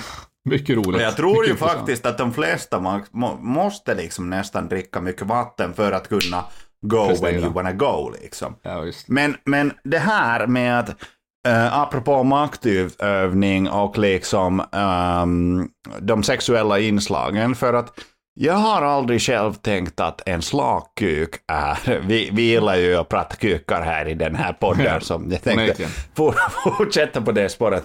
Jag har aldrig tänkt själv att en slak kuk skulle vara liksom objekt för så mycket makt. För slak kuk, den verkar liksom, den, den är lite rädd, den ska Ja, inte visas ut för världen så att Som säga. en sköldpadda du vet. Men, men det, tyck, det tycker inte, det, det är en bok jag läser nu för tillfället av Jonas Inde. Eh, han var ju en skådespelare som var med i Killinggänget uh, på 90-talet och 04. Eh, efter det har han ju hoppat från en balkong och blivit en, anti, en, en eh, väldigt känd antisemit på Twitter. Men, men, Okej. men, men han skrev också en bok som heter KKM som är någon slags pastiss av Bret Easton Ellises eh, American Psycho. Ja. Och eh, där han typ äter hans ex som han gjorde slut med. Eh, gör henne till köttfärs och så här. Det är en bok på 41 sidor, kan rekommendera. Men det är så här Jonas Inde skriver om den slaka kukens makt. Okej, höra. Fantastiskt, eh, fantastisk mening måste jag säga. Den slaka kukens makt. En grek, jag tänker på grekiska statyer alltid. Eh, Hampus ansikte börjar blekna. Pengar är ingenting att skryta om. Nu rika pack, säger jag. Därför måste jag straffknulla dig i munnen med en slak kuk nu. Alltså, det här med att det här, det här med att straffknulla en människa i munnen med en slak kuk, som jag säger till Hampus nu, det finns en bakgrundshistoria. Jag hörde repliken i duschen efter ett tennispass en gång. En gång. Hon ska straffknullas i munnen med en slak kuk, sa en man till en annan man. Det är klokt och insiktsfullt att säga så, tycker jag. Det manliga könsorganet ska vara slakt när makt utövas. När man ställer ned foten. Offret Ja, ja, ja. ska inte ha ståkuken i munnen. Offret ska ha kissmanicken i munnen. Ty makt, är, ty makt är ingenting med sex att göra. Hampus blundar och försöker knycka huvudet förbi min kissmanick. Och så fortsätter historien. Ja. Så det här, här ger ju liksom Jonas Inde en förklaring till varför det ska vara en slakkuk, en kissmanick Ja, ja. in Ja. i munnen. Ja, visst. Men det är också precis, den, eh, det är ju plumbing då va? Och det handlar Ja. med det då blir det lägsta organet då. Ja. Mm. Om du inte är en sån här eh, fundamentalist då, som alltid tycker att det är det lägsta organet va, men eh, även har sex va. Men eh, ja, Ja. ja. men det är insiktsfullt av den där uh, nazisten måste man ju säga, eller antisemiten. Bra insikt där om det slaka kuken, men också det, det går med min, med min te- tes där som jag har läst om att eh, makt och alltså för att bli som Sigourney Weaver där i, i, i Alien, liksom för att hon blir feministisk hjälte så måste hon också samtidigt sacrifice att hon är en förförisk kvinna, va? liksom att hon förför folk, att bli sedd som ett förföriskt objekt. Va? När du får Ja. makt så slutar du vara förförisk på det viset. Va? Så här, Ja. skådespelare må vara förföriska och sådär, men politiker är oftast inte det. Inte ens på Nej. det där sättet. Va? Nej. Om de är det, det då, då ska vi vara rädda. För det är då, det är då vi har en diktatur på G möjligtvis. Va? ja. Alltså, Karismatiska ledare. Ja. jag eh, vill ju inte avslöja mina Google searches som Angela Merkel här. Men Ja. det, det får bli ett annat avsnitt. Men, That's a, that's a powerful woman. Powerful, and I love power. Men så här, jag tänker liksom, okej, det där är en grej, men sen också liksom att ofta sker ju de här förnedring, det är oftast inte bara Abdi mot liksom Björn eller Pontus eller whatever, utan det, det, det sker i grupp. Att, att basically jag har tänkt att tittar du bara på när Abdi tar ut sin kuk och pissar Björn i munnen, eller knäpper du också upp byxorna och joinar han och ni börjar pissa i kors. Du vet. vad, vad är minst? Alltså det man gjorde på lågstadiet när det är två grabbar Precis. som pissar. Exakt. Det är it's a sword fight, liksom. Precis, men det är, det är väl också sånt som sker med Devil's Threesomes och Gangbangs tänker jag, liksom att det är mycket swordfighting där. Om, jag tänker att swordfighting, det är, så, det är som den aristokratiska eh, duellen man har på orgis, liksom. Man slåss med sina kukar om vem som får knulla vilket hål, tänker jag.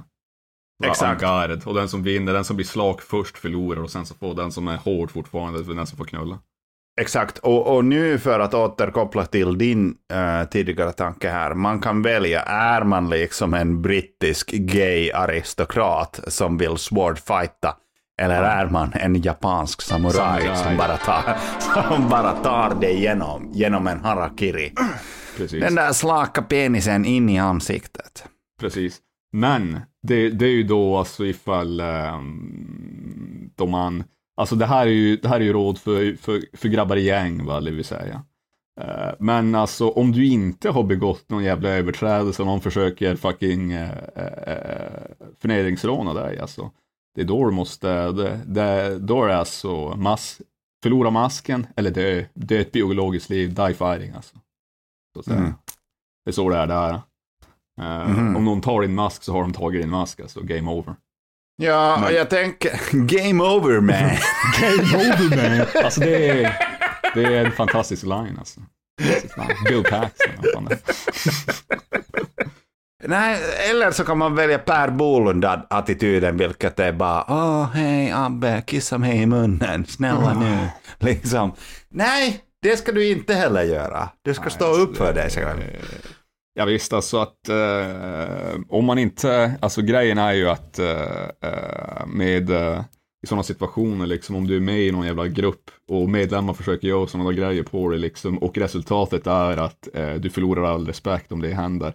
Ja, då finns då, då har du, då har du liksom eh, förlora masken eller kanske förlora någonting annat, alltså bli fucked up som fan eller något, eller värre liksom. Men eh, ja, då har man ju bara de valen om man lever i en sån värld. Va? Okej, och, då, och då kan Men- vi säga men så här. Men även på arbetsplatsen, va? om man är, om, som han som fick årets arbetare av oss. va. Vet du Mm. vad? Han satte sitt arbete på spel. För någonting högre, va? Ja, Någonting heligt, va? det är sant. Helvete. För den högre moralen.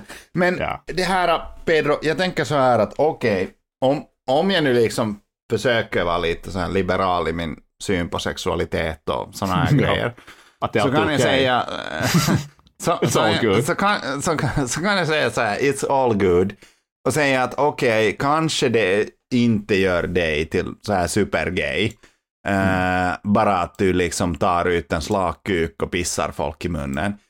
Ja. Men vissa av de här förnedringsrånen bara får helt så här sjuka jävla inslag. Typ så här, du börjar trycka upp saker i folks röv. Mm. Alltså, är, Mm. Finns det någonting annat än, än, att, än att det där är bara gay? Alltså ja, att kunna... alltså, eh, det är Alltså, ju rape. alltså säg, att, säg, alltså- att liksom, säg, att, säg att Abdi och liksom eh, Abdullah, de, Mm. helt påhittade namn, men, men, men de pissar liksom den här snubben, Göran, i munnen. Mm. Och sen så är det en tredje snubbe, Pekka till exempel, som, som, som tar upp liksom ett, ett träd han har hittat och vill trycka upp den i röven på den här Ja. snubben. Ja. Alltså att jag skulle säga så här, innan jag skulle kalla någon gay så skulle jag nog kanske kalla honom för en rapist. Va? Alltså det, det skulle vara min ins. Alltså att jag gör inte så stor skillnad på mellan om om det är gay, gay rape eller straight rape. It's, it's rape alltså först och främst. Va? Det är så. Eh, sådär alltså att, eh, och andra förnedringsrån kan ju vara så, alltså egentligen kan man ju säga mycket av det där som form av tortyr. Va? Ja. Alltså, även om du inte tar fysisk skada av det så alltså, det är ju en form av eh, så här, um, alltså, eh, när du blir förnedrad i den graden va, av andra män, alltså sådär, att bli put down på det där viset så övergår det till att bli alltså, ja, någonting annat. Det, så ja, det, det är någon form av tortyr, alltså det är som de gjorde på den vildaste man har sett, det är det jävla, ja, som vi pratade om i början med Abu Ghraib och uh, Ja, Guantanamo. ja, jag, skulle just, och- jag skulle just komma dit. För det, Det är ju alltså, uh, det- det, är ju det- förnedring, alltså fast Nej, men det, det är det du får fråga dig själv. Att vill du vara en Lin, Lindy Eng, England, äh, född 82, som var med i Abu Ghraib, den enda kvinnliga officeraren där. Och hon var som, fucking eh, crazy alltså. Ja. Hon gjorde de mest galnaste saker. Det är lite som Pekka där som kommer med liksom kvisten och säger att ska vi också trycka den? Ja. Bara, nej, vi har redan fått Kanadagosjackan. Ja. Men ändå dem- håller Pekka på där. Alltså det... Pekka, Pekka har andra motiv till vad han håller på. Grabbarna ville bara ha lite extra pengar i fickan. Lite extra pengar och få ett coolt liksom eh, TikTok-klipp, men alltså om vi tar med det här, det kommer inte publiceras på TikTok. Det är mö- mörkare än så alltså. Ja, det är live leaks. Men jag säger att om vi har liksom en, eh, vi kör en Maslows behovshierarki eller en hierarki av uh, förnedringsrån här. Så det är acceptabelt någonstans, det är ju tabbe i munnen. Eller hur? Ja, ja, ja. ja. Mindre acceptabelt är ju liksom det här att pissa i folks mun. Även om man har läst Jonas Indes bok om hur den slaka kuken utövar makt.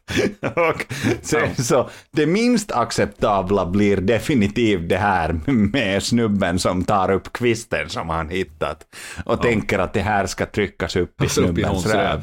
Precis. Alltså jag kan tycka så här va, om jag, om jag om, ponerar över the codes of the streets va, så, om säger så, va, om jag tänker mig Camorra-kartellen, Italien, Syditalien. Eh, Det är lite också mellanöster-grabbar där, där i krokarna va. Men, eh, och eh, så tänker jag liksom, du har ju, du har brutit mot några av deras jävla Cosa Nostra-lagar här va, och så vidare. Ja. Där knäpper de ju dig och så vidare. Va? Men jag tycker att, ett, att de borde ersätta det med förnedringsrån. Va? Alltså en Mhm. förnedrings, eh, du vet, eh, excommunication där grabbarna pissar på dig. Och dylikt. ja. Jag kan tycka att där, där kan jag, alltså det är ju, det är ju fucked up grejer onekligen, men jag kan förstå att det kan ha sin plats i sådana miljöer liksom där de har sådana pakter va. Problemet Eh. är dock att om någon av dem läst liksom eh, The Art of War och bestämt sig för att vara samurajer i den situationen. Yep. Game over.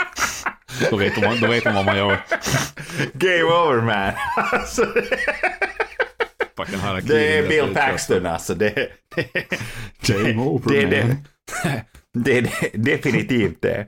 Så att jag vet inte, egentligen, jag vet inte, jag blir lite så här liksom, lärde vi någonting ut av uh, förnedringsrån till slut här?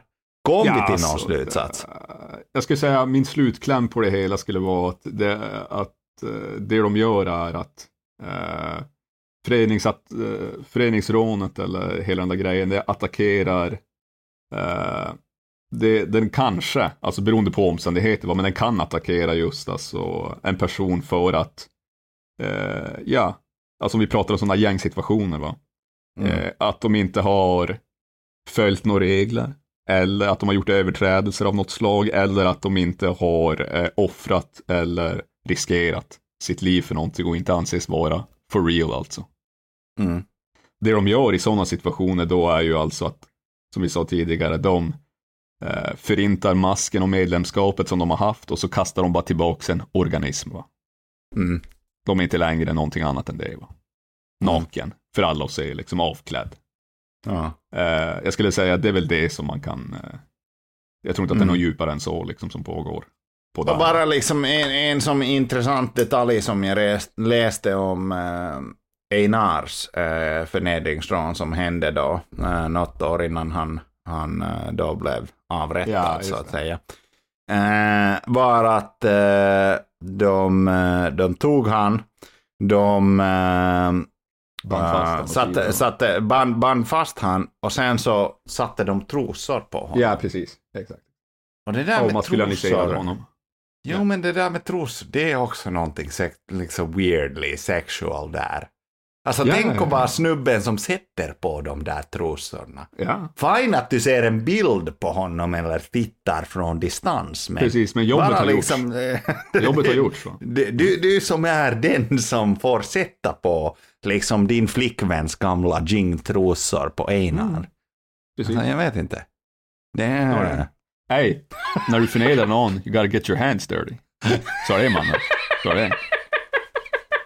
I en gangbang, you want some pussy? You gotta get your hands dirty boy. Gotta bump and grind against each other. Det var så det är. Det var så det är.